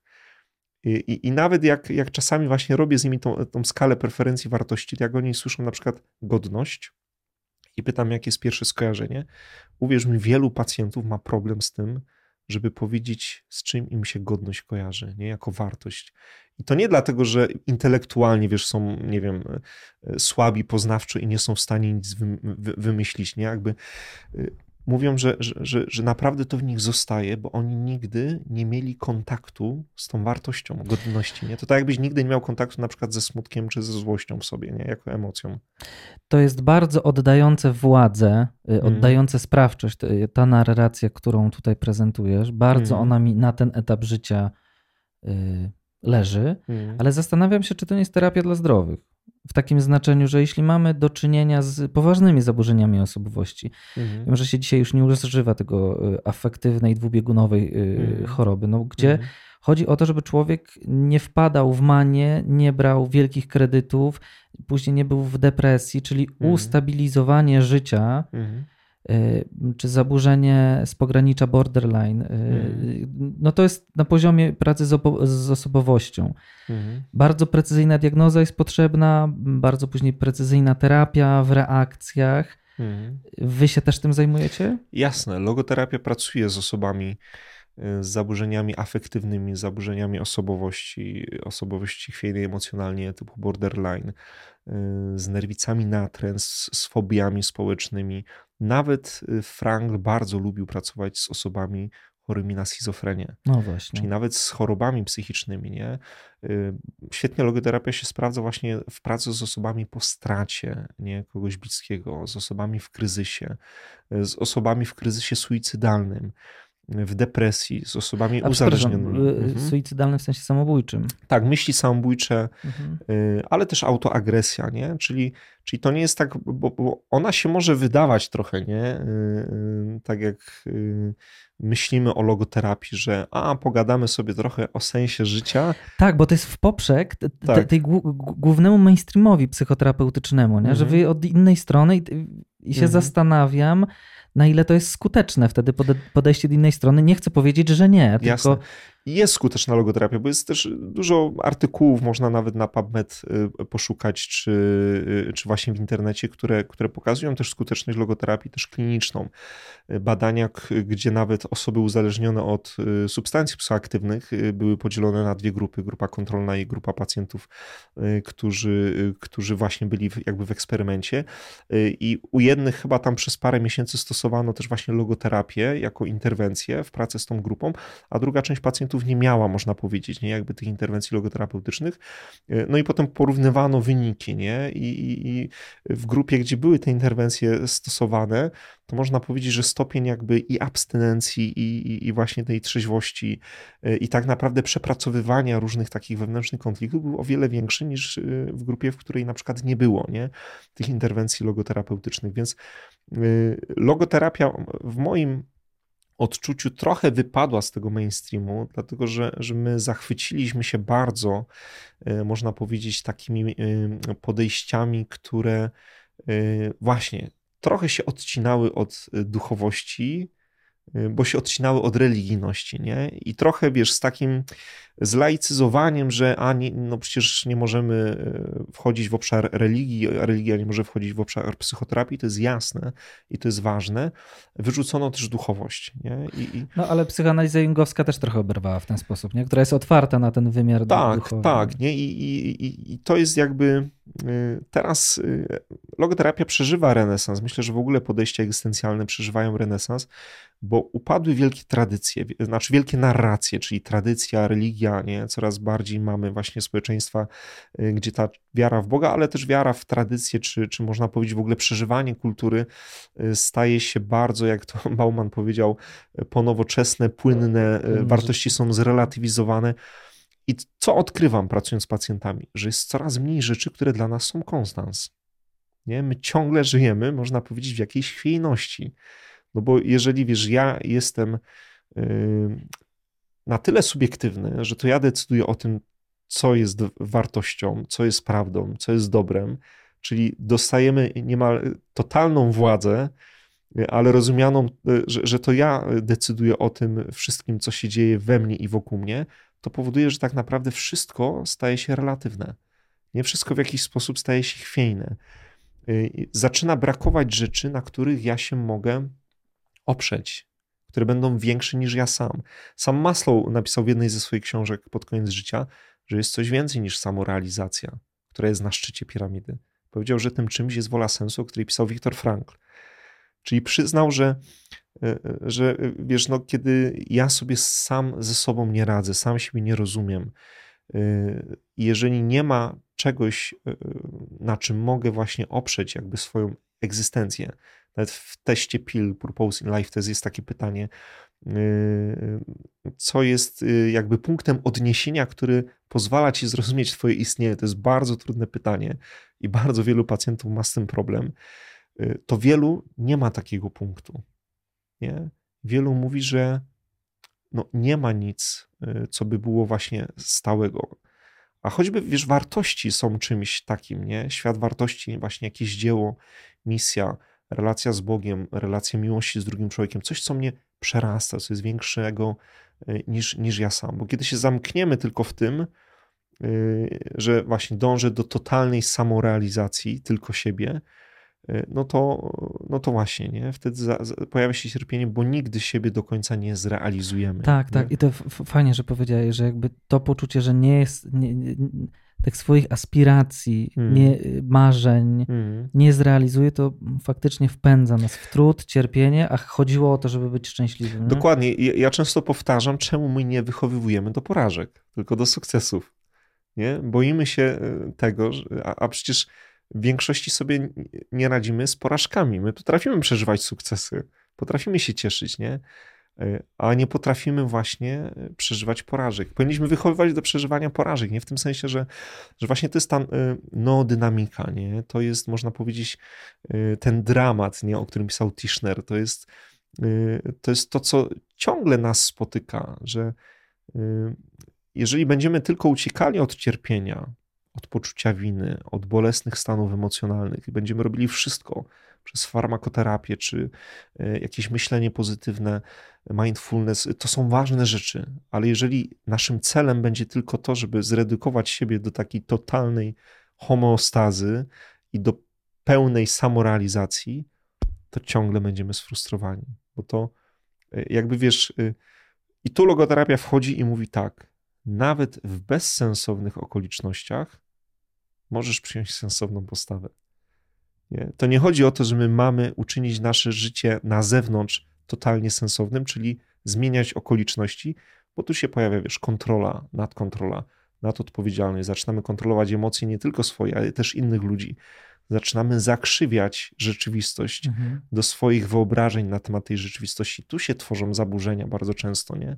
Osobowości, czyli takie, wiesz, schematy utrwalone jeszcze w okresie wczesnodziecięcym, gdzie y, przeżywamy lęk, bo boimy się, żeby to wszystko nie upadło. Bo jak upadnie ta struktura, tak jak trochę jest w uzależnieniu, jak nagle zacznę żyć na trzeźwo, to się pojawia pustka. Bo się nagle okazuje, że to wszystko pełniło jakąś funkcję. I czasami pacjenci tak mówią, szczerze, wie pan co, ja już wolę być uzależniony, w sensie czynnie nawet, bo przynajmniej nie muszę się konfrontować z tą pustką, nie? Bo, bo to znam bo, bo, bo to przynajmniej coś wypełnia. Y, I logoterapia wchodzi właśnie tutaj nie? i pokazuje, że, y, że można tą pustkę wypełnić. Jest trochę nurtów, w których występują y, psychoterapie grupowe. Mhm. I logoterapia też ma takie grupy, gdzie ludzie przychodzą razem sensu szukać? Jasne, tak, tak. Mamy też no, takie. No, sorry, że mhm. tak powiedziałem, zabrzmiało trochę źle, ale nie miałem takiej intencji. Jasne, ale, ale to jest bardzo dobre, bo kiedyś Martin Buber powiedział, że jesteśmy skazani na relacje w naszym życiu, nie? Więc y, tak naprawdę kiedy jesteśmy razem, to też czasami łatwiej jest e, odkryć ten sens albo zobaczyć, jak ktoś ten sens odkrywa, nie? To, co się dzieje w terapii grupowej, to to, że my możemy troszkę zobaczyć siebie też w całej grupie, nie? Nie tylko tak. w terapeucie, ale tak mhm. tak naprawdę trochę możemy zobaczyć się w całej grupie, bo, bo każdy staje się trochę takim lustrem dla nas. E, sam prowadziłem przez y, ponad rok y, taką właśnie grupę Y, logoterapeutyczną stricte, gdzie, gdzie byli właśnie pacjenci y, z różnymi trudnościami, problemami i, i, to, co nas łączyło, no to właśnie ten fundament logoterapii, takiego poszukiwania sensu. Y, mamy kilka teraz takich grup też w Krakowie, więc jak najbardziej, nie? Jakby logoterapia też do takiej pracy grupowej się nadaje. Co więcej, świetnie się nadaje właśnie do grup wsparcia. Wspomnieliśmy o tej jednej grupie, którą chcemy stworzyć, czyli mhm. dla tych rodziców po stracie, ale już od pół roku prowadzimy grupę dla osób przewlekle chorych i cierpiących. To są głównie osoby chore onkologicznie, gdzie bardzo fajnie też logoterapia pozwala im, pomimo można powiedzieć, no takiego już wyroku czasami na mhm. całe życie, yy, odkrywać, nie? że ja jeszcze naprawdę mogę Y, wiele. Co ciekawe, y, jedną z osób, która prowadzi tą grupę, jest mój kolega, który jest logoterapeutą i jest też pacjentem onkologicznym. Mm. Więc sam, można powiedzieć, jako i terapeuta, i, i pacjent onkologiczny wpadł na pomysł, żeby taką grupę wsparcia uruchomić. Więc jak najbardziej, nie? Tutaj logoterapia się sprawdza i, i też w logoterapii mamy to, co w innych nurtach, czyli doświadczenie własne, nie? Bo, bo, bo, każdy terapeuta też przechodzi taki self, można powiedzieć, czyli taką, można powiedzieć, trochę Yy, no właśnie, psychoterapię własną, takie doświadczenie własne. W logoterapii profesor Lukas stworzyła autobiografię właśnie.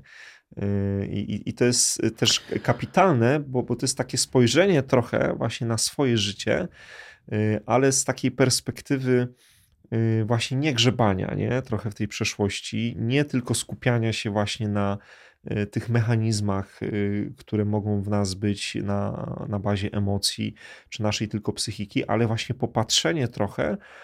Y, jest taka metoda nawet linii życia, nie? Gdzie, gdzie zaznaczamy sobie na przykład ważne dla nas momenty, takie znaczące egzystencjalnie, i też poczucie sensu. Często to robię z pacjentami, lubię tą technikę, bo ona jako metoda graficzna Y, o niej też mówił Frank, też w Polsce profesor Popielski, y, gdzie y, wiesz, kiedy pojawia się kryzys, to często widzimy taką równie pochyłą w dół, mhm. Że, że teraz już moje życie to jest po prostu coraz, coraz gorzej. A ta metoda graficzna polega trochę na tym, że ja proszę pacjenta, żeby na takiej linii życia dwie osie x, y, jedna to jest wiek, druga poczucie sensu, zaznaczył ważne dla niego egzystencjalnie momenty. Czyli to jest na przykład, nie wiem, 5 lat jakieś tam wspomnienie z przedszkola, nie? na przykład smutne, nie? no bo tam zgubiłem zabawkę swoją ulubioną. Potem 11 lat jakiś sukces, nie? zostałem pochwalony na przykład przez panią przed całą klasą. I różne momenty zaznaczamy i od razu sobie zadajemy pytanie, jakie to miało wtedy jakby znaczenie też dla tej osoby, nie? Czyli jak wtedy odczuwałeś, czy to było sensowne dla ciebie. No i powstają nam takie, można powiedzieć, góry i doliny. Czyli nagle się okazuje, że to życie to nie jest taka równia w dół, e, że, że są momenty właśnie tych dolin ciemnych, depresji, ale są też te momenty właśnie szczytów. E, A, czyli chodzi o takie popatrzenie z dystansu, które tracimy, kiedy jesteśmy w kryzysie. Dokładnie. I, i jeszcze, co, co lubię robić, to, to żebyśmy potem popatrzyli też jak teraz patrzysz na te wydarzenia? Ile mhm. byś teraz im przypisał tego poczucia sensu życia? Bo, bo tu się okazuje, że ta perspektywa często też się zmienia, nie? że wtedy to była tragedia, nie? bo mhm. na przykład właśnie doświadczyłem jakiegoś cierpienia, nie wiem, trafiłem do szpitala, złamałem nogę i wtedy to mi się wydawało, no kurczę, zero albo jeden, jeżeli chodzi o poczucie sensu życia, bo nie mogłem chodzić do szkoły, nie miałem kontaktu z rówieśnikami, cierpiałem i tak dalej. Ale teraz, jak patrzę z perspektywy czasu, to ja widzę, jakie to dla mnie było ważne, bo w logoterapii mówimy nie tylko o PTSD, czyli syndromie stresu pourazowego, mówimy o PTG, czyli o posttraumatycznym wzroście, post-traumatic growth. Czyli Nigdy że... o tym nie słyszałem. No właśnie, a to między innymi rozwijał też Frank, który mówił o tym, że, że w sytuacji doświadczenia jakiejś traumy mamy tak naprawdę y, różne ścieżki, jak się może dalej nasze życie potoczyć. Może być tak, że przeżyjemy wydarzenie traumatyczne i właśnie będzie już zawsze równia pochła w dół. Nie? Czyli będę coraz gorzej przeżywał swoje życie i będę żył w poczuciu straty, że już nigdy nie wrócę, nie? Że, że, że moje plany, marzenia, decyzje, które albo nie zrealizowałem, albo które źle podjąłem, to sprawiło, że teraz żyję konsekwencją. Czyli wiesz, ciągle będę żył konsekwencją swoich traumatycznych wydarzeń i to się zapętli i to będzie zawsze w dół. Mogę przeżyć to doświadczenie z jakimś urazem, czyli na przykład wiesz, byłeś w wypadku samochodowym i co prawda wyszedłeś mhm. z tego, ale już nigdy nie wsiądziesz za kierownicę, nie? Czyli przeżyjesz, ale z jakimś takim poczuciem lęku, strachu, urazy. Mamy prężność, resilience, nie? która nam mówi o tym, że możemy wrócić do dawnego poziomu funkcjonowania, nawet przed tym wydarzeniem traumatycznym. Y, ale tak naprawdę to nie jest tak, że samo wydarzenie urazowe, traumatyczne od razu nas traumatyzuje. Wszystko zależy od tego, jak my je przetwarzamy. Tak, taki jakby co się tak. dzieje wokół nas później. I logoterapia mówi o tym, że jest też ta czwarta droga. Zresztą to nie tylko ona mówi, bo PTG to jest o wiele szersze zjawisko, ale mówi o tym, że może nastąpić wzrost traumatyczny. I badaliśmy nawet, wiesz, uczniów w 2021 roku w okresie pandemii, izolacji szkolnej i okazało się, że około 30% młodzieży, którą przebadaliśmy w wieku 11-16 lat, doświadczała PTG. A co sprawiało, że akurat oni nie PSD? Y, wiesz co, to, że oni w tym odkryli na przykład jakieś nowe pasje, większy wgląd w siebie, zbliżyli się trochę do rodziny, która pomimo tego, że się pojawiało więcej konfliktów, bo to też raporty mhm. pokazują, że nagle ludzie zamknięci w małej przestrzeni. Przemocy dużo było. Ale zaczęli więcej też y, niektórzy z nich na przykład rozmawiać, nie? bo ci rodzice, którzy nigdy nie byli obecni, na przykład fizycznie, ale też emocjonalnie, nagle no, trzeba było coś wymyślić, nie wiem, planszówki, rozmowy, wspólne porządki. Więc to nas zaciekawiło, ale to też pokazuje, zresztą Kazimierz Dąbrowski też pisał w książce Dezintegracja Pozytywna, y, o tym, że może tak być, że my rozregulujemy, czy zdezintegrujemy, czy jakieś wydarzenie nas w jakiś sposób zdezintegruje, ale to nie oznacza, że ono stanie się wyrokiem, tylko może się okazać, i to czasami słyszę od pacjentów na przykład uzależnionych, że jasne, lepiej byłoby żyć nie będąc uzależnionym, ale jak oni porównują swoje życie do tego, jak żyli przed tym, jak się uzależnili, a jak żyją teraz, jak odkryli na terapii większy wgląd w siebie, zrozumieli bardziej siebie, swoje emocje, potrzeby, w ogóle świat, zaczęli się lepiej komunikować z ludźmi, zaczęli robić fantastyczne rzeczy, których dawniej na przykład nie robili, jeżeli faktycznie utrzymują tą trzeźwość i abstynencję, to nie, czasami słyszałem y, i niejednokrotnie, że oni mówią, że nie żałują takim sensie, że, że, że nie tego, że chcieliby się uzależnić, ale tej drogi, która się potem zadziała. Nie? I, I to jest właśnie to, co logoterapia też pokazuje, że ty możesz nawet po właśnie traumatycznym wydarzeniu osiągnąć wyższy poziom jakby funkcjonowania też, też swojej osoby, ale też jakby osobowości. To też trochę zależy y, nie tylko od ciebie, bo wiadomo, są też ważne te zasoby zewnętrzne, nie? nie tylko wewnętrzne. Czyli to też jacy są ludzie wokół mnie, ale my też mamy wolność, y, wiesz, y, co, co, co z tym zrobimy, jak przetworzymy trochę to, to doświadczenie traumatyczne. I ta linia życia, wiesz, to pokazuje, że ja często też na końcu pacjentom mówię, mówię żeby z, y, spróbowali nazwać dźwignie egzystencjalne. Czyli to są, wiesz, na przykład osoby albo sytuacje, które ich wyciągały z tych dolin żeby, wiesz, żeby to sobie też nazwać, nie? że mhm. potem jak znów wejdziesz w taki kryzys, to żebyś wiedział, że, że tak naprawdę ty nie jesteś sam, bo są też dźwignie egzystencjalne, nie? czyli właśnie jakieś utwory, y, osoby, y, coś, co pozwalało ci w tych momentach na, na, na wyjście na szczyt. Tą metodę y, znajdywania takich miejsc, które mnie wyciągają z kryzysów, jako pisanie listy, ale przed kryzysem, nie w mhm. trakcie. Mm -hmm Y, słyszałem, ale to na kursie mindfulnessu, jakby tak mm. zanim wpadniesz, to mniej taką listę osób, rzeczy, które ci Jasne. będą pomagały. Ale... Zanim wpadniesz, a tu jest jak już wpadłeś, to co, kiedy wychodzisz? Nie? Tak, co, tak, tak. Co, tak. kiedy wychodzisz? Natomiast mhm. jakbyśmy przy traumie trochę zostali, bo Jasne. wiesz, jak o tym mówiłeś, to to dzisiaj o traumie dużo się mówi w związku z ciałem, nie? że hmm. ciało pamięta traumę, nawet jeśli ona jest z okresu przedwerbalnego i nie potrafimy o niej mówić, bo właściwie jej nie pamiętamy, ale ciało Jasne. pamięta. Nie? Czyli ta trauma zapisana y, nie w ciele. Hmm.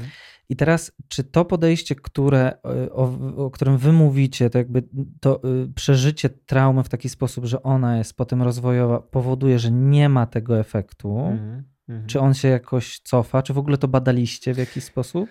Bo y, mhm. pytam z takiego poziomu, czy to nie jest tak, że mam traumę, wiesz, w ciele spięcia, mhm. trud jakiś nienazwany, ale jadę, nie? W imię sensu i się męczę. Tak, właśnie sensowne jest to, co dotyczy całego mnie, nie? Czyli w logoterapii też nie jest tak, że my tylko pracujemy na wymiarze neetycznym. Y, ważne jest też to, żeby pracować z ciałem i też to robimy. Y, w Kilu nawet y, mieliśmy kiedyś spotkanie. Kil? Krakowski Instytut Logoterapii.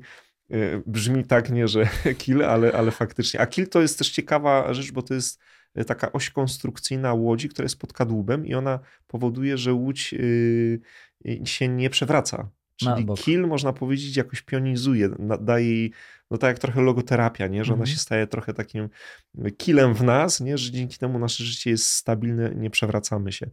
E, I, i mamy takie spotkania logo cafe, czyli rozmowa o sensie i bezsensie, nie? One są stacjonarnie, można też je sobie podpatrzeć na naszym kanale na YouTubie. E, I tam mieliśmy kiedyś spotkanie właśnie z, z Pawłem Cykiem, czyli fizjoterapeutą, gdzie rozmawialiśmy o tym, teoria poliwagalna, nerw mhm. błędny, właśnie praca bardzo z ciałem. Modne. Bardzo, bardzo modne, bardzo ważne rzeczy I, i, i, nawet profesorowie z Izraela, którzy kiedyś przyjechali do kliniki psychiatrii, szkolili też nas jako pracowników, też byłem na tym szkoleniu, mówili, że pierwsze co robimy w pracy z osobami po traumie, to jest często praca z ciałem. Zanim wejdziemy nawet, wiesz, z takim psychicznym opracowaniem traumy. Nie?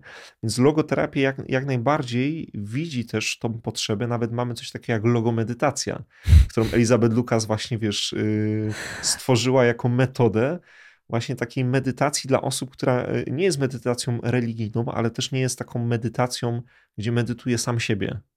Wiesz, nie? Bo, bo czasami może mieć w drugą stronę, nie? I wiele takich medytacji zaczyna się trochę ograniczać do tego, że wiesz, oddech fajnie, skanuje ciało, wiesz, impulsy z ciała, ale nie ma treści, nie? Albo jest treść, ale która jest na przykład tylko religijna, nie? Tak jak e, super i fajnie, że, że, że właśnie na przykład w pogłębiarce wchodzimy, bo jest tam też treść, nie? Tam nie medytujemy tylko siebie, nie? Tam się spotykamy.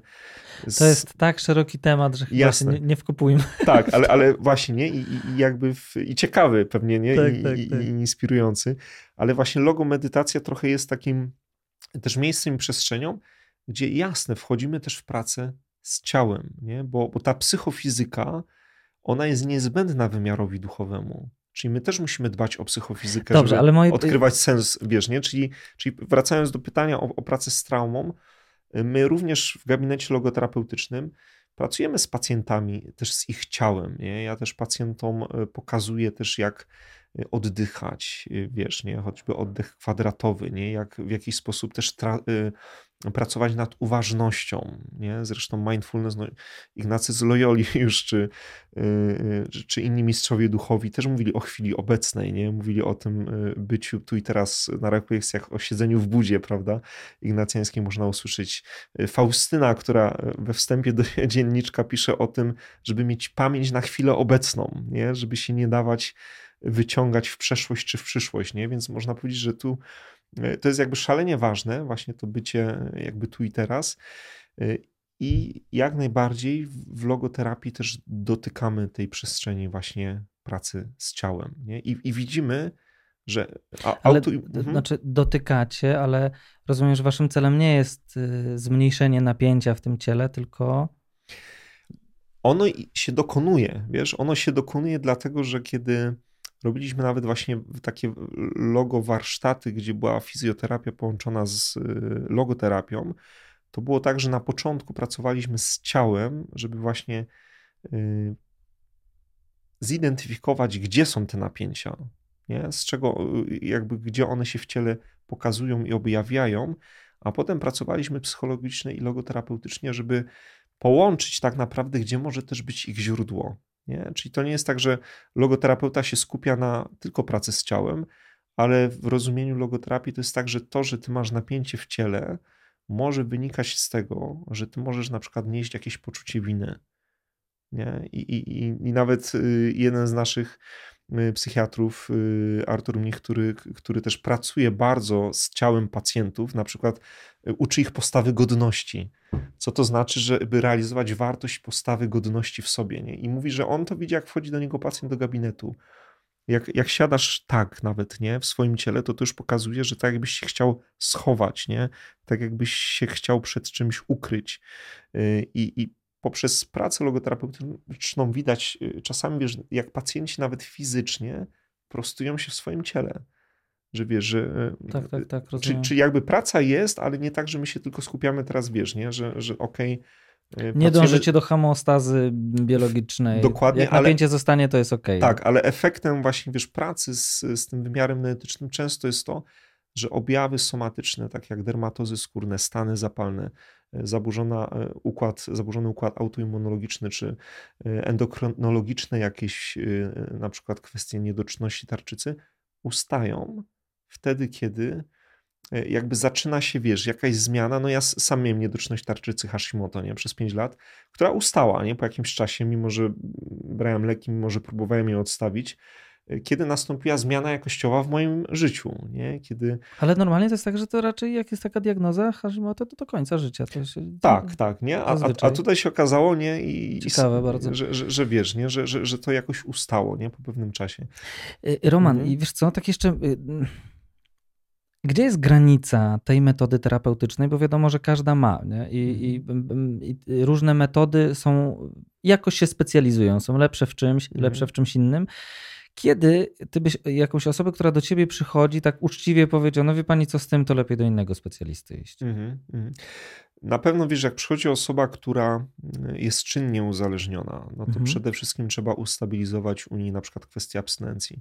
I tak jest z każdym podejściem, nie? że y, spotkałem się niekiedy z takimi pacjentami, którzy mówili, że chodzili do jakiegoś psychologa czy psychoterapeuty y, i na przykład ta osoba w ogóle nie pracowała z ich uzależnieniem.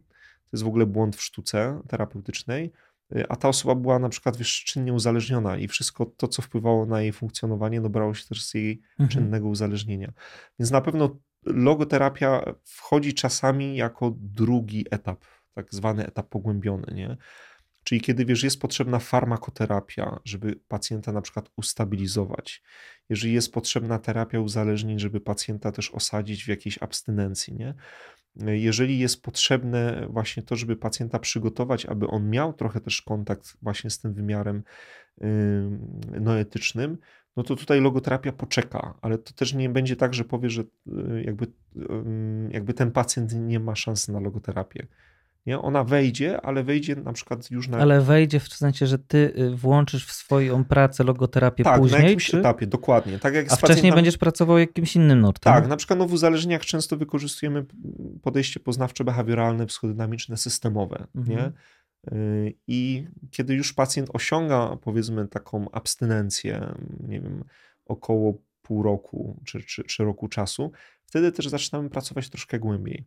Ale to też nie jest tak, że logoterapia musi jakby, wiesz, y, czekać cały czas, bo już na etapie diagnozy staram się, żeby poszerzać trochę choćby tą diagnozę, wiesz, o ten wymiar logoterapeutyczny Wiesz, w logoterapii możemy popracować na przykład tak, nie? że przychodzi do mnie pacjent nie? i pacjent y, pokazuje mi różne diagnozy, bo często tak jest, nie? że mam diagnozę od psychiatry, mam diagnozę właśnie jakiegoś zaburzenia, mam wypisy ze szpitala.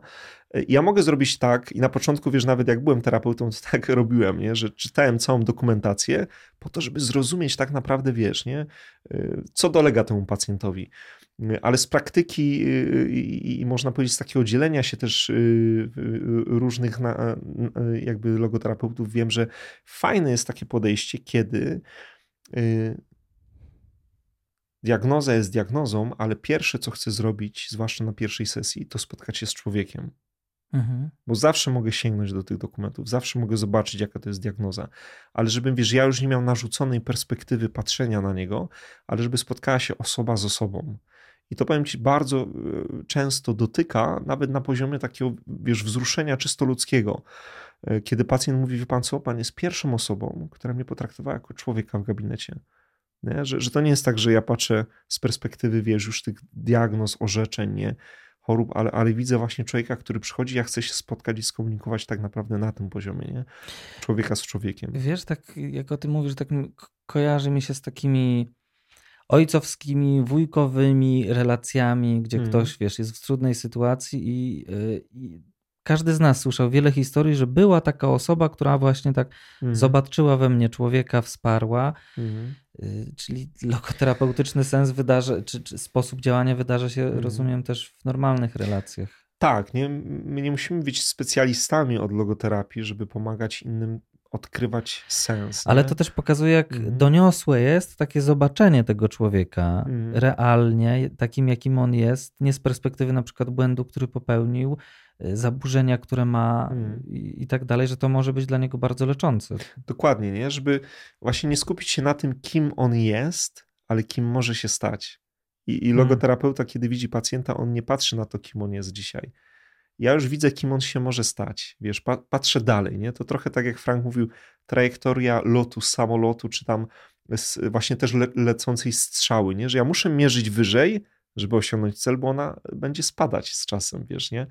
Yy, nie będzie lecieć cały czas, wiesz, nie tak. I tak samo jak widzę człowieka, ja nie, mo nie mogę tylko się ograniczyć, kim ty dzisiaj jesteś. Ja już widzę, kim ty, Daniel, się staniesz, jakie jest, wiesz, nie? Twoje możliwości, potencjał i przez to, że widzimy dalej więcej, wyżej, e, właśnie ta logoterapia otwiera nas na, na przyszłość, nie? Na, te, na te możliwości.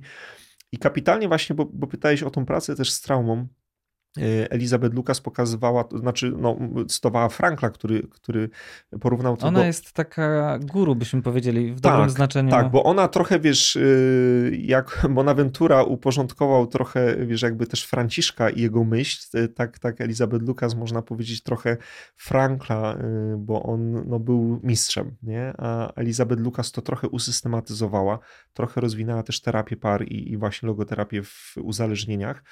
No i żyje jeszcze i, i, i świetnie się ma i, i, bardzo praktycznie też rozwinęła tą logoterapię, Akademię Logoterapii w Bamberg też w Niemczech. I ona odwołując się do Frankla mówiła właśnie o tym obrazie rafy koralowej, nie? czyli tego, że często ta rafa trochę nam pokazuje, kiedy na przykład y, są przypływy i odpływy i nagle się dno pokazuje, że ono jest ostre, ono jest skaliste, nie? można się o nie zranić. I to jest taki obraz trochę sensu, że w naszym życiu czasami mamy odpływy. Można powiedzieć, że tego sensu jest mniej. I wtedy nagle się pojawiają właśnie te y, ostre kamienie przeszłości, nie? te rzeczy, które nas ranią. I Frank mówił tak, czy Rafa jest y, przyczyną przypływów i odpływów? No nie. One się dzieją niezależnie. To, że brakuje wody, pokazuje nam, co jest na dnie, ale to nie jest tak, że to dno, które jest skaliste i ostre, sprawia, że te przypływy i odpływy się dzieją, nie? I tak jest też, wiesz, y, właśnie z, z, naszym życiem, że kiedy coś się odsłania dla nas trudnego, doświadczamy czegoś trudnego, to to nie jest tak, że to, co się nagle pokazało, sprawia, czy my ten sens będziemy mieć, czego nie będziemy mieć. Być może, wiesz, to, że my aktualnie mamy mniej tego sensu, pozwala nam trochę właśnie spojrzeć, co tam się znajduje pod spodem. Wiesz, tej historii, spotkać się właśnie z tym poczuciem winy, z tym bólem, y, ale nie po to, żeby już nigdy ta woda nie przypłynęła, nie? Bo ten sens, on będzie, nie? On się pojawi. Y, więc jakby tutaj nie ma znów tego determinizmu, nie? że to moja bolesna przeszłość sprawia, że ja dzisiaj nie mogę odkryć sensu. Nie ma czegoś takiego. To zawsze jest y, ta możliwość wyboru, nie? bo popatrzmy znów na Frankla w obozie. On logoterapię stworzył po raz pierwszy w 26 roku, używa tego słowa, jeszcze przed wojną. Tworzy poradnie dla młodzieży w kryzysie suicydalnym. Ale logoterapia się rodzi i wykuwa w doświadczeniu, y, wiesz, no, zagrożenia śmiercią, y, chorób, y, kryzysów, samobójstwa, zabójstw, które miały miejsce, przecież morderstw w obozie, Frankl tam doświadcza, że logoterapia się sprawdza. Dlatego ona, jakby wiesz, jest w stanie się oprzeć jakby każdej krytyce. Roman, bardzo Ci dziękuję. Skończę z takim obrazem, wiesz, który, który pod koniec tej naszej rozmowy mam, tak wiesz, zarysowałeś horyzont i teraz mam ochotę tam iść, mam jakąś mm. siłę, to jakby to jest takie odczucie teraz we mnie. I ja przez to wierzę, w to mm. wierzę i mam nadzieję, że, znaczy wiem, że się tu spotkamy, umówiliśmy się, szanowni państwo, ale dziękuję Ci za tą perspektywę, która dodaje sił za, te, za ten język. Mhm. Na końcu kapitalny y, tekst Elizabeth Lucas, y, która kiedyś powiedziała, że poprzez ruiny widać więcej nieba. I to jest tak, że czasami jak patrzymy na nasze życie i widzimy, że to są ruiny, to czasami przez te ruiny możemy zobaczyć więcej przestrzeni, więcej nieba. Y, I czasami może właśnie nawet z tych ruin wyjść, bo bo ten sens nas zaprasza i wierzę w to, że, że, że każdy z nas jest przez świat zapraszany do wypełniania jakiegoś sensu, y, który tylko on może jakby zrealizować, wypełnić i y, no i to jest takie przesłanie logoterapeutyczne, z którym zostajemy. Więc szanowny słuchaczu, szanowna słuchaczko, jeszcze piękna, długa droga przed tobą. Dobrej Dzięki. drogi. Dobrej drogi i sensownego życia. Sensownego życia. Roman, do zobaczenia, bardzo Ci dziękuję. Dzięki Daniel, do zobaczenia. Pobierz naszą bezpłatną aplikację Pogłębiarka. Znajdziesz w niej codzienne medytacje, kursy psychologiczne i duchowe, praktykę modlitwę głębi, sortownik myśli, czyli ignacjański rachunek sumienia oraz muzykę medytacyjną i tradycyjne modlitwy. Pobierz i zrób krok w głąb. Tylko dzięki Waszemu wsparciu możemy realizować ten i inne projekty. Dziękujemy.